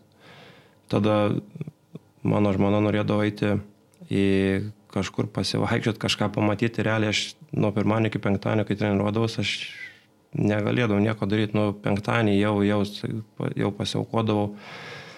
Tada sakydavau, einam kažkur jau vakare, prasivaikščiosim, kažką padarysim, o taip tai realiai daug niekur neįdavom iki papietauti, pavakarieniauti, tik tai iki parduotuvės dar kažką. O kad kažkur jau nekalbu apie važiavimą, kažkur nes realiai sveikatos visiškai nebūdo, tai ateidom, sakau, iš tanginę pradžiai padarydom. Tada iš karto tiesiai eidom į krepšinį ir visiškai kitaip treniruotės, nes jokių pertraukų nėra, tarkim, pusantros valandos, bet be jokio sustojimo varai. Ir negali dar ant uh, kelių pasidėti rankų, ar ne, palisėti. Nu, tipo, jo, jo, bet aš pradžioj, pirmą savaitę, kai atėjau, tai aš pirmos treniruotės padariau pusę valandos ir man buvo viskas, aš jau visas, man atnešė bananą ir vandens. Sako, užtenka tau šiandien viskas. Aš nesupratau, kas darosi, nes turbūt galbūt laikas buvo tas susisukęs ir panašiai, bet po to taip įsivažiavam gerai, tenais, sakau, padarai tą štanginę, tada pusantros valandos krepšinį be sustojimo, ten, bet visokių drilų, vis 3 prieš 3, ten 2 prieš 2, kartais ir 5 prieš 5, kartais būdavo vieną dieną ateinat, belė kiek daug žmonių, pilna salė, ten sukviesta, jisai, ten treneris padaro tos komandas, ten turnyrai vyksta visokie ir taisyklės įdomios, kartais be driblingo, kartais ten su vienu driblingu, ten visokių tokių. Ir, ir tada baigė tą treniruotę Ir, ir paskutinė dalis conditioning, aš nežinau, kaip čia reikia, ištvermė, ne? Mhm. Reikėtų sakyti ištvermės. Ir eidavau iš karto ištvermės daryti treniruotę. Ir ten kokį pusę valandos varai, vienu žodžiu, ant bėgtakio. Ir ten nemažu greičiu. Tipo pasikeisdami, ten tris minutės, bet iš karto šokiant ant bėgtakio ir varai vas sprintų. Ir Kiek eina? Trys, trysė, tarkim, ir po tris minutės ir taip keitiesi. Tris pailsi, tas tris atbėga, vėl tris atbėga ir vėl tu šoki, vėl tris varai. Kažkas tokio. Tai va tas būdavo man sunkiausia iš pat pradžių, bet jie visada sakydavo, tu pamatysi, sako, galė, čia sako, važiuoji savaičių, į galą pamatysi, kad gerai darysi. Aš jau mirdavau ten, realiai iš tikrųjų man šakės būdavo, sakau, aš grįždavau namo, aš tik pavalgyti ir į lovą ir aš daugiau nieko nenoriu. Taip, bet iš tikrųjų realiai paskutinės tas jau dvi savaitės tai žiauriai gerai pramušė ir jau iš tikrųjų man buvo žymiai lengviau susibendrau su tais visais amerikiečiais, ten su tais žaidėjais, sakau, MBA žaidėjai ne visada būdavo, jie tik rečiau būdavo, būdavo ten iš universitetų. Realiai dabar mačiau, kiti yra padraftuoti, dabar žaidžia ten, kur su manim žaisdavo MBA. Tai e, nutreniruotis tikrai geros, pozityvo, maksimaliai šneku, belė kiek, nu, amerikiečių tas stilius grinai, ten kažkas biškai pasiseka, jie tenais krenta, tenais šokinėje, ten liekauja, ten, nu, belė kas ten sakau. Tai va, ta, tas irgi buvo smagu, to pozityvo pasisemti, improvizacijos daug leisdavo daryti, sakau, ateido treneriai, dešimt trenerių ir tarkim būdavo dienų, kai mes dviesi treniruodavomės ir pratimas būdavo žaidė 3 prieš 3, bet aš visada polime žaidžiu, pas mane yra du komandos draugai ir trys yra gyniai. Mes žaidžiam bet ką, bet tik aš galiu mesti krepšį, jie negali ne viens mes. Aš jeigu padodu perdavimą, man atgražina atgal ir aš vėl turiu susikurti kažką ir mest. Ir va tokios situacijos grina iš vien. Viską pats darai, viską priimi pats sprendimus ir panašiai. Tai vat, vat tas buvo man įsimintiniausia, kad, kad e, ta etika darbo tokia ir visada su pozityvu. Nesvarbu kas, ar nepataikai kelias iš eilės, kažkas, bet visada, visada pozityvas. Šiaip dažnai tenka girdėti arba skaityti prieš MBA draftus e, apie lietuvius, kai kalba, sako, tas fiziškai silpnas, e, lėtas ir panašiai, kaip galvoja, ir tokių treniruočių trūkumas e, Lietuvoje. Vienas iš tų dalykų, kad, sakykime, lietuvių krepšininkams to trūksta, tokios fizinės ištermės, greičio, sprokstamosios jėgos. Matot, tos treniruotės sezono, jeigu tikrai nepritaikysi neprokur nes realiai dabar tokie tvarkarašiai. Vasarą, sakykime, tokias taikyti treniruotės. Vasarą taip, bet žinoma, kaipgi pasakyti, mūsų ta genetika galbūt irgi nėra tokia kaip amerikiečių arba kažkokių kitų, kitų šalių sportininkų ir jeigu žiūri nuo vaikystės, tai vis tiek sveikata turi būti pirmoje vietoje ir manau, kad... E, Ilgai nepavarysi, ne? Jo, ir manau, reikia, nu nebent turi aukštas labai technologijos, kurios, aišku, tikrai dabar atsiranda ir visada prižiūrinti krūvis, e, reguliuojant e, tą intensyvumą, prižiūrint širdies darbą, panašiai kažką, atsistatymą ir tikrai galima, galima labai daug padaryti, bet manau, kad pagrindinis visas tas tobulėjimo momentas tai, tai yra vasara, kada, kada gali leisti savo daryti, ko labiausiai trūksta, gali reguliuotis, aš jau kalbu, jeigu vaikysi, tai reikia galbūt prižiūrėti daugiau, tą, bet jeigu jau tu esi vyresnis, tai tu gali pats save kontroliuoti ir prisižiūrėti ir panašiai, tai sezono metu tokių treniruočių nepadarysi. Tais pačiais 2017 metais tapai pirmoju lietuvių krepšininku pasirašiusiu kontraktą su sporto rinkodaros agentūra. Kiek tai tęsiasi galbūt dabar ir koks buvo viso to tikslas? Tai kažka, kažkam vis tiek reikėjo kažką tais pradėti. Kažkam reikia būti pirmoju. Kažkam ne? reikia būti pirmoju. Nu, tai tiesiog, nu, ką žinau, žiūriu, žiūriu tai kaip į perspektyvą gerą. Kad vis tiek tas, tie dalykai dabar visi čia populiarėja šiais laikais, kaip pasakyti. Visi, visi keičiasi tas pasaulis su kiekvienais metais, kiekvienom dienom ir panašiai. Bet, bet realiai viso pilno dėmesio dabar dar skirti negaliu tam, nes, nes yra svarbesnių dalykų. Man labai šiandien. patinka šiaip, kai vasarą darai live transliacijas Facebook'e kartais mm. ar ne, tai prisijungi, kiek patinka tas bendravimas su žmonėmis, jauti tą stiprų ryšį jų. Šiaip, sakau, šiaip galbūt norėčiau širdie dažniau padaryti, dažniau prikelt, bet e, realiai sakau, jeigu ateina blogi momentai, kai nesiseka arba kai pralaimėjimai, tai... Nors kaip tik atsijungti vis nuo to. Kartais nori atsijungti, bet kartais nesinori būti nesuprastam, kai, kai galbūt, atro, kad nesinori, kad atrodytų, kad net ne ten koncentracija to ir panašiai, kad, kad nežinau, tai sakau, vasara tas geriausias dalykas kada žinai, kad, kad, kad niekas nieko negali pasakyti ir panašiai, o, o sezono metu nesinori blaškytis per daug, sakau, jo labiau, kai ateina jeigu ateina blogesni momentai, tai nesinori atrodyti kažkokiam kvailesniam ir panašiai, o norisi susikoncentruoti skripšinį. Tai aš įsivaizduoju, esi gavęs tokių komentarų, kad čia dabar sėdė, ne, prie telefono, prie Instagramo, eik treniruokis. Nu, Nes Maris Grigonis irgi tą patį sakė podcast'e, kad sako, tų neigiamų komentarų irgi labai daug būna kad vos nesu su, sudegina įstatymą ir panašiai. Yra tų neigiamų nemažai, aišku, bet bet e, turi būti ir tie neigiami. Jeigu, aš sakau, jeigu, ne, jeigu būtų visi geri, būtų neįdomu. Tada turi būti kažkas ir kito, nes realiai gyvenime, ko neturi, ko negali turėti, jo labiausiai nori iš tikrųjų. Tai sakau, aš taip, pavyzdžiui, galvoju, aš kartais norėčiau žiemą nuvažiuoti kažkur patostogauti šiltai, bet aš dar niekada to negalėjau padaryti, nes man neleidžia mano grafikas toksai. Aš norėčiau galbūt kažkada nueiti į koncertą Žalgių Renų ir belė kaip nusiraut, pavyzdžiui, ten su draugais, žiauriai. Bet aš negaliu to daryti, aš negaliu ten eiti į restoraną, užsakyti butelio, tris, tris butelius vyno su draugais ir išgerti ir po to sėsti taksą ir važiuoti savo ramiai ten, dar gal net ir pratest vakarą. Bet tuo pačiu sakau, yra žmonių, kurie nori būti mūsų vietoje irgi.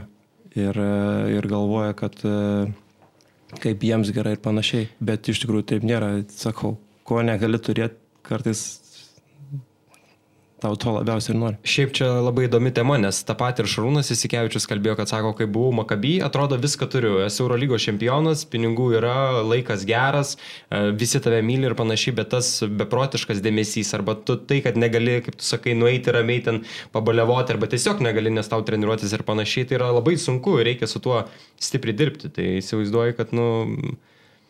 Taip, nu, sakau, norim, norim pažaisti, nueiti bet ką, skošą. Dabar negalim nueiti pažaisti skošą, nes... Yra ant kontrakto parašyta, kad negali skošą. Žaisti. Gal taip konkrečiai nėra, bet šiaip negalima. negalima Ekstremalaus sporto. Negalima, jo, negalima net važinėti su dviratį transporto priemonė, jeigu susižeistum. Tai čia mes su Marium. Tai tik vaikščioti kažkam arba su mašina. Su Marium, čia aš buvau važiavęs, ar Marius ir Marius su paspirtukais visi elektriniais, tai mm. ten buvo išpykę biškiant mūsų, kad mes važiavam, tai aš į trefkės varydavau irgi su tuo paspirtuku, tai biškiu užpyku, kad važiavau ten su juo. Tai sakau, negalima, nes jeigu traumą gausi, tai turbūt ir, ir tai galėtų ir, ir jau atlyginimo nemokėti, man atrodo. Taip, krepšininkai, žinokit, vaikšto tik peškom arba su mašina važinė. O dar vienas įdomus dalykas, dabar ant bangos, kaip ir kalbėjom, Instagramas, labai dažnai jaučiu ir pats pamatai, kad įvairūs socialinės, įvairios socialinės žvaigždės dalinasi reklamomis ir panašiai. Kokiu tu galbūt esi įdomiausių pasiūlymų gavęs pareklamuoti kažką? Žinokit, esu pasiūlymų gavęs Už bet... 50 eurų. 30. ok, aišku, ir tiek gerai būtų. Nesiūlo nei tiek. E, ne, siūlo ir tiek ir daugiau buvo siūlę, bet šiai dienai, kol esu žalgirio klubo žaidėjas, negaliu labai daug įsiplėsti į, į kitas, į kitas e, pusės, nes turim savo rėmėjus, turim ir panašiai, ir, ir kažkur blaškytis nelabai galiu, nes e, neleidžia to, to, to dalyko teisės, tos įvaizdžiai ir panašiai. Bet e, būna visokių, sakau, būna visokių įdomių situacijų su tom reklamom rinktiniai, kai būni, kai, jau, kai tuo metu jau ne, nesi žalgerio žaidėjas, o esi rinktinės žaidėjas. Ir kaip rinktinės žaidėjas gali kažką pareklamuoti, ten visokių būna irgi įdomių dalykų. O, o, O pasiūlymų tikrai esu turėjęs, bet sakau, kartais e, turėdavau atmesti juos, nes negalima. O apie tos pasiūlymus, pavyzdžiui, Jonas Valančiūnas ten dešrės, kokias ne reklamuoja ir panašiai, būna taip, kad jūs ten sako, Hebra, įsiaiškinkit, kurie turi eiti į reklamas ir panašiai, ar paskiria. paskiria. Ir, ai, tai nors tai gerai, nereikia mušti. Žalgirį irgi paskiria. Tau irgi ten geras su Mariam reklama jau ėjo gerai su Grigoniu, kur traškučius valgo. Jo, jo traškučiai buvo su Marium ir Žalgirį, čia reklamavom lažybas kažkokias ten ir traškučius tos pačius.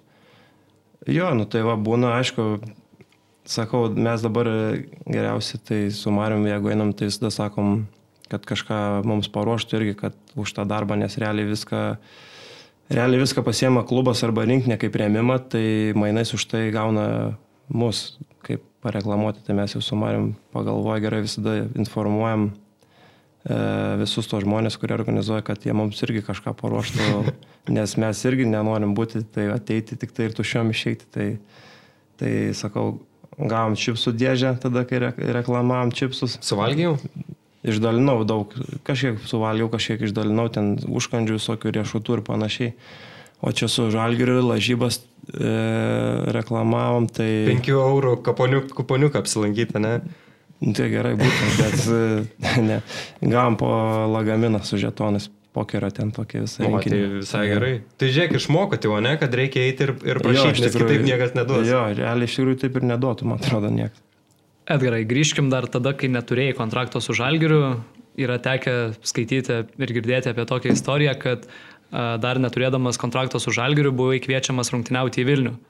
Ir tada, ko ne pats nuėjai pas Paulimo Tejūną ir klausai, kodėl jūs manęs nenorit ir man jau siūlo į Vilnių. Kaip ten buvo viskas?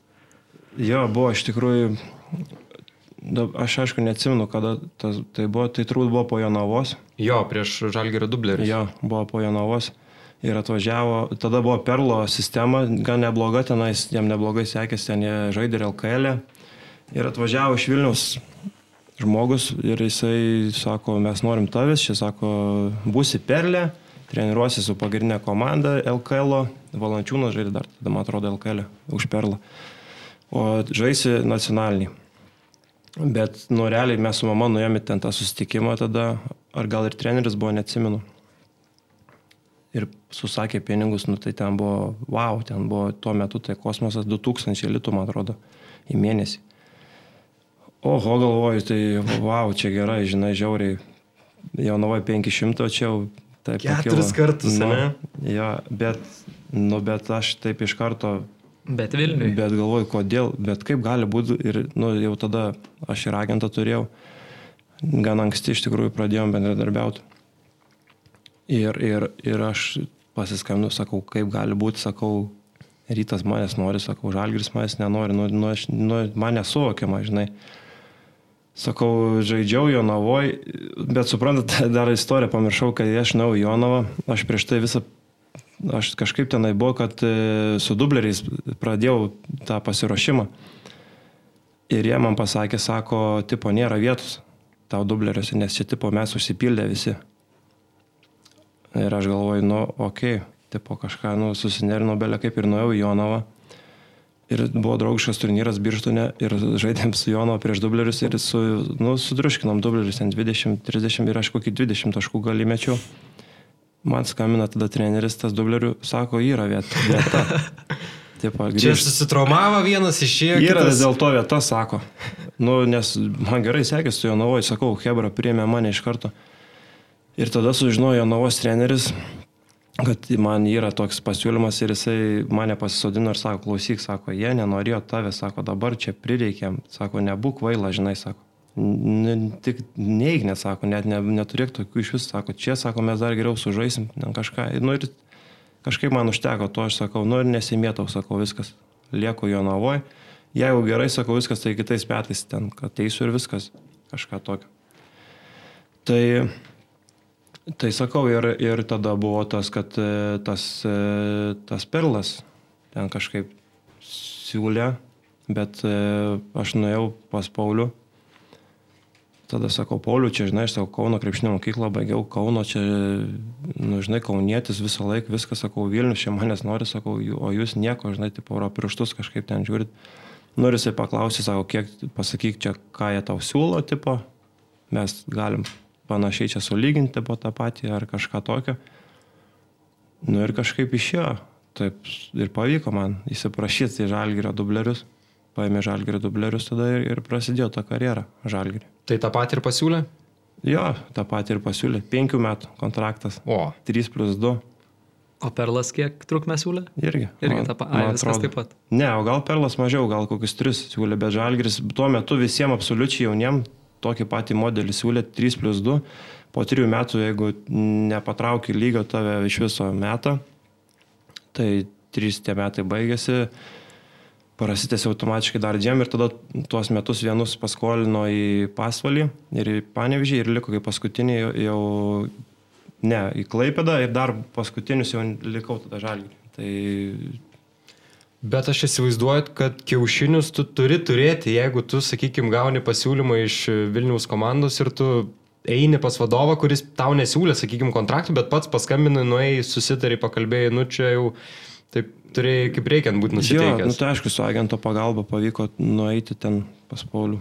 Bet, nu, buvo keista, nu, aš nu, niekaip negalėjau matyti savęs. Nu, realiai per televizorių buvau ten fanas didžiausias už Algris, kai su rytų žaisdo, taigi tos kovos, tai tuo metu tai iš vis būdavo kažkas neįtikėtino, aš taip įsivaizduoju, dabar net tokių nėra kovų, nu, tikrai nėra dabar tokių, kas būdavo anksčiau, nes tenka ir paklausyti komandos draugų, kuriam tekia patirti, tai nu, aš negalėjau, pat, negalėjau net matyti, kad aš Vilniui žaidžiu tuo metu. Nu, manau, tai tas ir yra žavu ir, ir šiais laikais tas turi būti, kad e, tie vaikai savo, savo miestus, kurie myli, tai jie ir turėtų pasilikti ir, ir tarkim, Vilnietis turi atstovauti savo miestą, Kaunėtis savo ir tuom ir turi būti tas, tas, ta konkurencija ir žavumas. Edgarai pakalbėjome apie tą visą kelią iki Kauno Žalgerio, bet jau prabėgo šeši metai Žalgerio komandai. Ar pats pajutai, kaip greitai laikas pasikeitė nuo tų metų, kai atėjai ir buvai tas jauniausias, klausydavai Jankūno patarimų, o dabar esi vienas iš tų, kuris galbūt patarė kitiems ir kaip per visą tą laiką keitėsi visa Žalgerio organizacija tavo akimis? Tai taip, visada būdavo pradžiai pirmosios treniruotės, medija susirinkimai, visi ten labai būdavo keista, kažką sunku pasakyti, e, neužtikrintas ten toks ir panašiai jausdavosi. Taip, bet, e, sakau, su kiekvienais metais jautiesi vis svarbesnis ir svarbesnis, jau šeši metai vis tiek nėra mažai, jau, jau gerokai apsitrynęs, čia viską gerai žinau ir panašiai. O kaip organizacija, nu tai žinoma, tobulėjo, aš kai atėjau pirmais metais ir ta sudėtis mūsų nebuvo kažkokia superinė, mums jau išeiti užtekdavo į top 16 tuo metiniu formatu. Realiai užtekdavo sukovoti gerai namuose prieš CSK, prieš Realą, prieš kažką kitą. Pralaimėti šešiais taškais užtekdavo, jau žmonės laimingai eidavo į barus, su dainom turbūt traukdavo, pralaimėjom, Bet e, matot. Kol toks laimingas pralaimėjo mane. Nu, ir dabar matom, kaip pasikeitė visas mentalitetas ir požiūris, kas yra labai gerai, kas ir turėjo būti jau galbūt la, žymiai anksčiau. Ir ko pasakoja, sakau, ir tie rezultatai buvo atsiradę vis tiek į top 8 irgi išeiti nėra taip paprasta šiais laikais, nekalbu apie top 4. LKL e sekasi visada gerai, apginam savo žiedus visada titulą, o organizacija tobulėja, žmonės renkasi į arenas, arena pilna, kainos kyla, arena pilna, e, ekspertų daugėja, norinčių pakomentuoti daugėja ir panašiai. Tai einam aukštyn, nu, darosi klubas toksai, kuris e, nebegali leisti savo pralaimėti ten kažkiek ir panašiai, nes tai yra jau net leisina, jau, jau tai yra bėda, kas anksčiau, sakau, užtekdavo, tai vėlgi finansiškai klubas stabilus, kuris tvarkosi puikiai reikalus, marketingas visas ir panašiai apdovanojama Eurolygos, kalba patys už save, kurios gauna, tai bendradarbiavimas su fanais tais pačiais. Sakau, Žalgiris tampa pavyzdžių visoje Europoje, kaip, kaip reikia tvarkyti reikalus ir panašiai. Tai tikėkime, kad tie žingsniai bus tik tai viršų ir, ir, ir nesustosimės. E, tai, tai tiek. Kalbant apie tą mentalitetą, ar viskas pasikeitė Šaro atėjus ir tapus vyriausiai treneriu? Buvo ir prieš Šaro erą ir prasidėjus Šaro erai? Šaras daug pakeitė, taip, tikrai ir sakau, ir rezultatai jau sakiau, kad kalba patys už save, bet ir, ir, ir ir žmonių susidomėjimas krepšiniu ir supratimas galbūt galų gale tikriausiai kažkiek pasikeitė, nes kiek aš dabar matau, iš tikrųjų pavardėm, aišku, nesakysiu, bet Lietuvos krepšinio lygoj panašus netgi interviu, kai mūsų trenerio daug kartų būna, nu tikrai bent jau man tai atrodo, kartais tikrai net ir tas pačias frazes naudoja. Tai sakau, netgi ir supratimą krepšinio Lietuvoje, manau, pakeitė. Tai moko, moko Šaras visus, nuo teisėjų, žaidėjų jo, iki žurnalistų. Sakau, tai žurnalistai, bet ir tie patys žmonės jau, jau pradeda suprasti geriau krepšinį patį ir, ir tas mažas detalės, kurias mes čia akcentuojam tuos penkis metus. Tai kalbant apie tas detalės, e, daugam užtrunka perprasti tą Šaro sistemą. Pats nuo pat Šaro ateimo nuolat rungtiniauji, daug rungtiniauji kaip pačiam sekėsi tą sistemą greitai perprast ir kokius galbūt dabar patarimus duodat naujokam. Jūs vis tiek kaip senbuviai jau galit pasidalinti, ką reikia daryti, kaip reikia daryti. Svarbiausia tai suprasti, kad, e, kaip pasakyti, ne, vien, nu, ne vienas nebuvo ties ir iš karto nepadarė čia kažkokio įspūdingo rezultato. Visiems reikėjo laiko, tai manau, kad vienas iš patarimų tai pasižiūrėti į pavyzdžius, kurių mes turėjom jau nemažai. Ir kai vieni ten pirmo sezono galbūt eigoje, antroje pusėje atsiskleidžia kiti antrais tik tai metais ir panašiai. Tai e, kantrybės, aišku, visada reikia palinkėti visiems ir, ir, ir e, paprasčiausiai, kad, e, kaip pasakyti, tos emocijos būna visada, kaip pasakyti, karštos.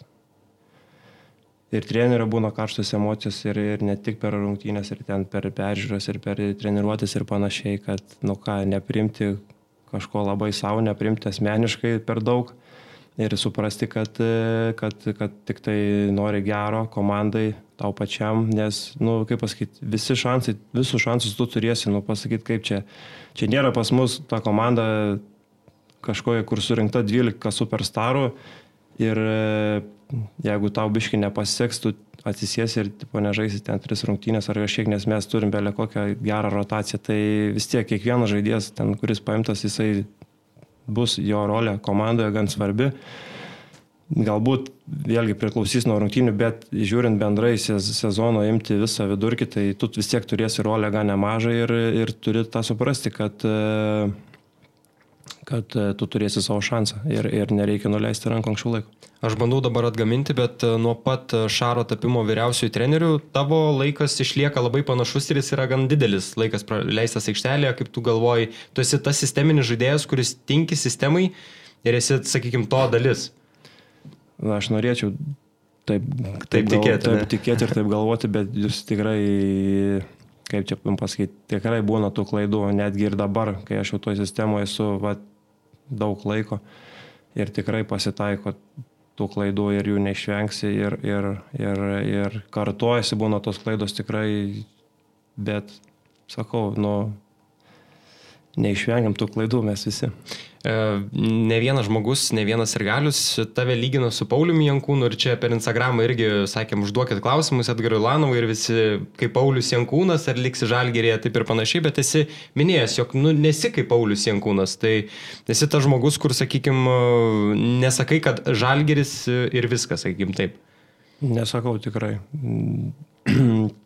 Nes uh matot, kaip aš sakiau pokalbio eigoje, kad žmogus kartais nori to, ko negali turėti. Tai, tai niekad nežinai, kaip bus ir, ir sakau, būna kartais va, atsisėdi sezono metu ir sakai, blemba į rinkinę gal reikia nevažiuoti, nes e, reikėtų palisėti arba gerai pasiruošti kitam sezonui. Ir ateina pavasaris, sezono galas. Ir taip atsisėdi, paskambini Mariui, sakai, nu Mariu, kaip tu dėl rinkinės galvoji? Blemba, aš tai sako, varysiu ten gerai, Hebra gera, vis tiek gerai praleisim laiką, ten pažaisim, žinai, pasivaržysim, ten šiaip dar praleisim gerai laiką. Ir taip galvoju, nu blemba jo, šiaip iš tikrųjų žiauriai smagu būtų nuvaryti, pažaisti, dar gal pavyks ten medalį iškoti kokį. Ir, ir, ir pavyzdžiui, kai aš ką supratau, ypač krepšinį, kai nusistatai kažkokias mintis per anksti, tai dažniausiai taip ir nebūna, nes ateina, kai laikas apsigalvoji viską iš karto. Nes realiai, sakau, aš kažkada kaip persirašiau su žalgeriu čia vasarą, jau aš, jau aš vieną koją, jau aš sakiau, kad tipo išvažiuosiu tikrai. Bet kai atėjo laikas, kai pradėjo toks spaudimas biškėtėjo, iš žalgerio pusės irgi, kad... Ten berots buvo likę keliolika valandų, ne jo, 24. Sako, jeigu tu dabar nepasakai, mes iš karto imam kitą žaidėją į tavo poziciją, nes jam irgi baigėsi tenai sutarty kažkoks. Ir aš pradėjau, atsisėdau ir aš Ir aš, nu, žinau, tą žaidėją aš dabar jo nesakysiu. Ir aš atsėdau ir aš taip galvoju, tą žaidėją su žalgerio marškinėliais žais ir aš žiūrėsiu tipo kažkur per teliką ir žiūrėsiu, kaip jisai lošia, žinai, žalgerio arenai su žalgerio marškinėliais ir galvoju, blemba, jeigu dar ten gerai jam seksis, nu blemba, blemba, galvoju, nesąmonė kažkokia. Kiek laiko truko ta, tavo svarstymai tokie? Blemba, porą valandų, manyčiau, kažkur. Aš ten to laiko šiaip labai daug ir nebebuvo. Nebuvo daug laiko, aš net nebuvau Lietuvoje tuo metu, aš buvau pas mamą išvažiavęs Danijoje. Ir, ir... Mama einu į kitą kambarį atsisėdinę ir... Jo, jo, aš nuėjau pasivaikščiot ir, ir, ir sakau, kažkaip permašiau, galvoju, lemą, ne, nu, aš pagalvojau, nu, negaliu išvažiuoti, nu, negaliu paprasčiausiai neleisiu savo to padaryti ir, ir ne, nemačiau savęs kitur tuo metu pabaigai, prieš perinant prie žiūrovų klausimų, e, Grigonis tau yra paruošęs tokį vieną hipotetinį klausimą, dabar labai populiaru. Ar sužaistum vieną sezoną Vilniaus rytė, jeigu žinotum, jo kitą sezoną sugrįžęs į Žalgirį laimėtum Eurolygą? Atšalusią kavą dar išgerk. Ir... Ne. Geras atsakymas. Aš galvoju, kad galim perėti prie žiūrovo klausimų. Blitz mes palikim, nežinok, jau prakalbėjom daugiau nei pusantros valandos. Tai pradėk, Lukai, nuo pirmo. Gerai, tai Džiugas Molis klausia, ar per bulvekas į bulves į krepšį irgi taip pat gerai įmeti kaip ir baudas? Per bulvekasį susilaužęs buvau raktikulį dešinį, tarp kitų. Kaip tu susilauži raktikulį per bulvekasį? Jo, aš buvau mažas dar, neatsimenu kiek metų, ir nuvyko ten tas bulvekasis kažkoksai. Ir Ir aš pradėjau per tas visas ten, palauk, kaip ten skaitosi tas dirbas. Va, vagos. Vagos, vagos. Va, ir per visas vagas pradėjau, nu, va, galvoju, greitai reikia bėgti, bet ne, ne, nu, neišeinant iš tos vagos. Tipo į tą tarpelį, va taip. Ir aš bėgau ir man susipinė kojas ir aš ant to pėties, nes ten iš šonuose, taigi tos vagos, ar kaip ten skaito, ar vagas skaitos, kaip jie. Nu, Vaga tas skaitosi ten Nežinau. Nu, Dabar žodžiu. visi pyks ant manęs. Jo. Iš kaimo sakys, bičias nežino. Tai va, ir aš kritau ir tiesiant to pėties ir aš nesupratau, man labai skaudėt pradėjo. Tai gerai, tai kad kontrakto dar neturėjai. Jo, tai dar tada, tada aš. Būtų net gėda pasakyta, ne, viskas. Aš ne, nežinau, ar aš į mokyklą dar jau net šiauriu, tada gal net ne į mokyklą turbūt. Tai ir ką, susilaužiau tą raktikaulį, sugipsavo ir teko gipse, bet ar į ką šią baudas pataikyčiau, manau, gerų procentų. Aš manau, kad visi mėtom, bandom. Jo, ne, visada iš išliūdėję kažką, viską bandome. Pasimanai, ne? Ja. Labai geras šiaip e, sveikinimas buvo Žalgerio komandos e, su naujais metais, su, mm. ir kaip Jokubaitis mėtė ir ten iš 15 gal 2 įmetė. Tai... Jo, jo, įdomu, ten iš kiek jis įmetė. Gerai, dar vienas klausimas. E, praeitą sezoną žaidėte kompiuterinius žaidimus su esporto kolegomis ir berots minėjote, jog būtų gerai UFC sužaisti rūbinėje, nervus numalšinti. Kaip ta idėja įgyvendinta buvo ar jau pamiršta? Ne, žinokit, e, neturime kompiuterinių žaidimų rūbiniai. Ir, ir, ir, ir manau, kad nelabai kažkas ir suprastų, jeigu ateitų ir pamatytų kažkas iš, tarkim, trenerių, pamatytų Hebra lošyti po kompu, po treniruotės ar prieš treniruotę ir taip nesupratų, sakytų, tipo, štanginė yra, salė yra, tipo, eikit gal kažką krepšinių geriau gero padaryti, čia tie susirinkę iš pat anksčiau negu. Tai va ir nėra, nėra kompo ir gal ir gerai, kad nėra, nes, nes dar užsibūtų gal kažkuris ilgai.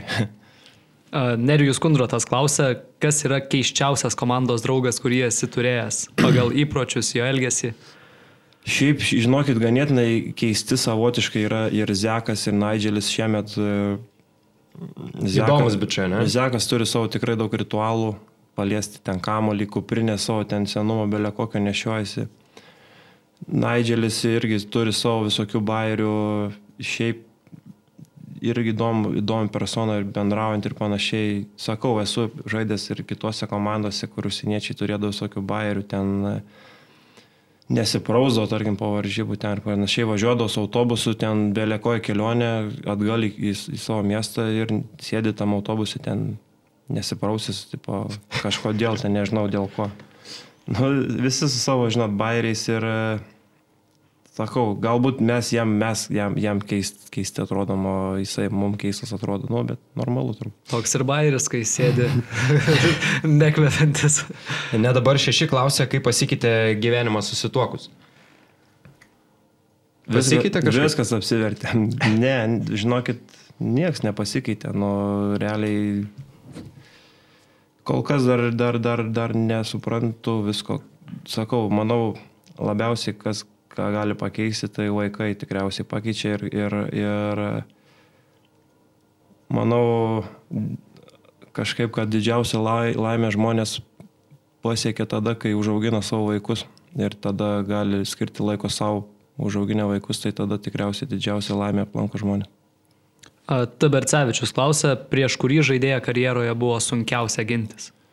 Gintis buvo sunku labai prieš Lenkfordą, buvo ginti sunku labai prieš Delainį, kuris žaidė tuo metu lokomotyvę, dabar jo. Delainis jau nebe toks, nežinau kodėl, bet jis jau nebe toks. Iškai atrodo toks pridėjęs kilogramų. Jo, tada būdavo žymiai sunkiau, kai žaidė lokomotyvę, bet šiaip Lenkfordas visi tą kairę ranką žino, bet vis tiek kažkokiu būdu jisai paima ir apeina. Jeigu kalbėt, palaukit, galbūt rinktiniai dar su kažkokiu teko tokius sunkiai, kad būtų ginti. Prieš jav dabar galvoj, teko kažkada taip Prieš ją vyrų rinktinės tai ne, nežaidžiau, ne. bet nežinau. Šiaip, vat, manau, sunku dengti būtų kokį petį milsą, bet man ir nereikėjo dengti, tai džiaugiausi, ten reikėjo kitiem vaikytis. Bet jau dabar realiai man tuos mažesnius būtų labai sunku iš tikrųjų vaikytis. Norisi jau man daugiau tokių, Lėtesnių. pasistumdyt. nu, tarkim, tokių didesnių ir jau kad kontakto daugiau būtų lygis, tai jau mieliau rinkčiausi galbūt tuos, kuriais reikėtų daugiau pasistumdyti. Gerai, Domas Santa klausė, prieš kurį buvusią ir esamą komandos draugą buvo įdomiausia žaisti, sunkiausia treniruotis galbūt.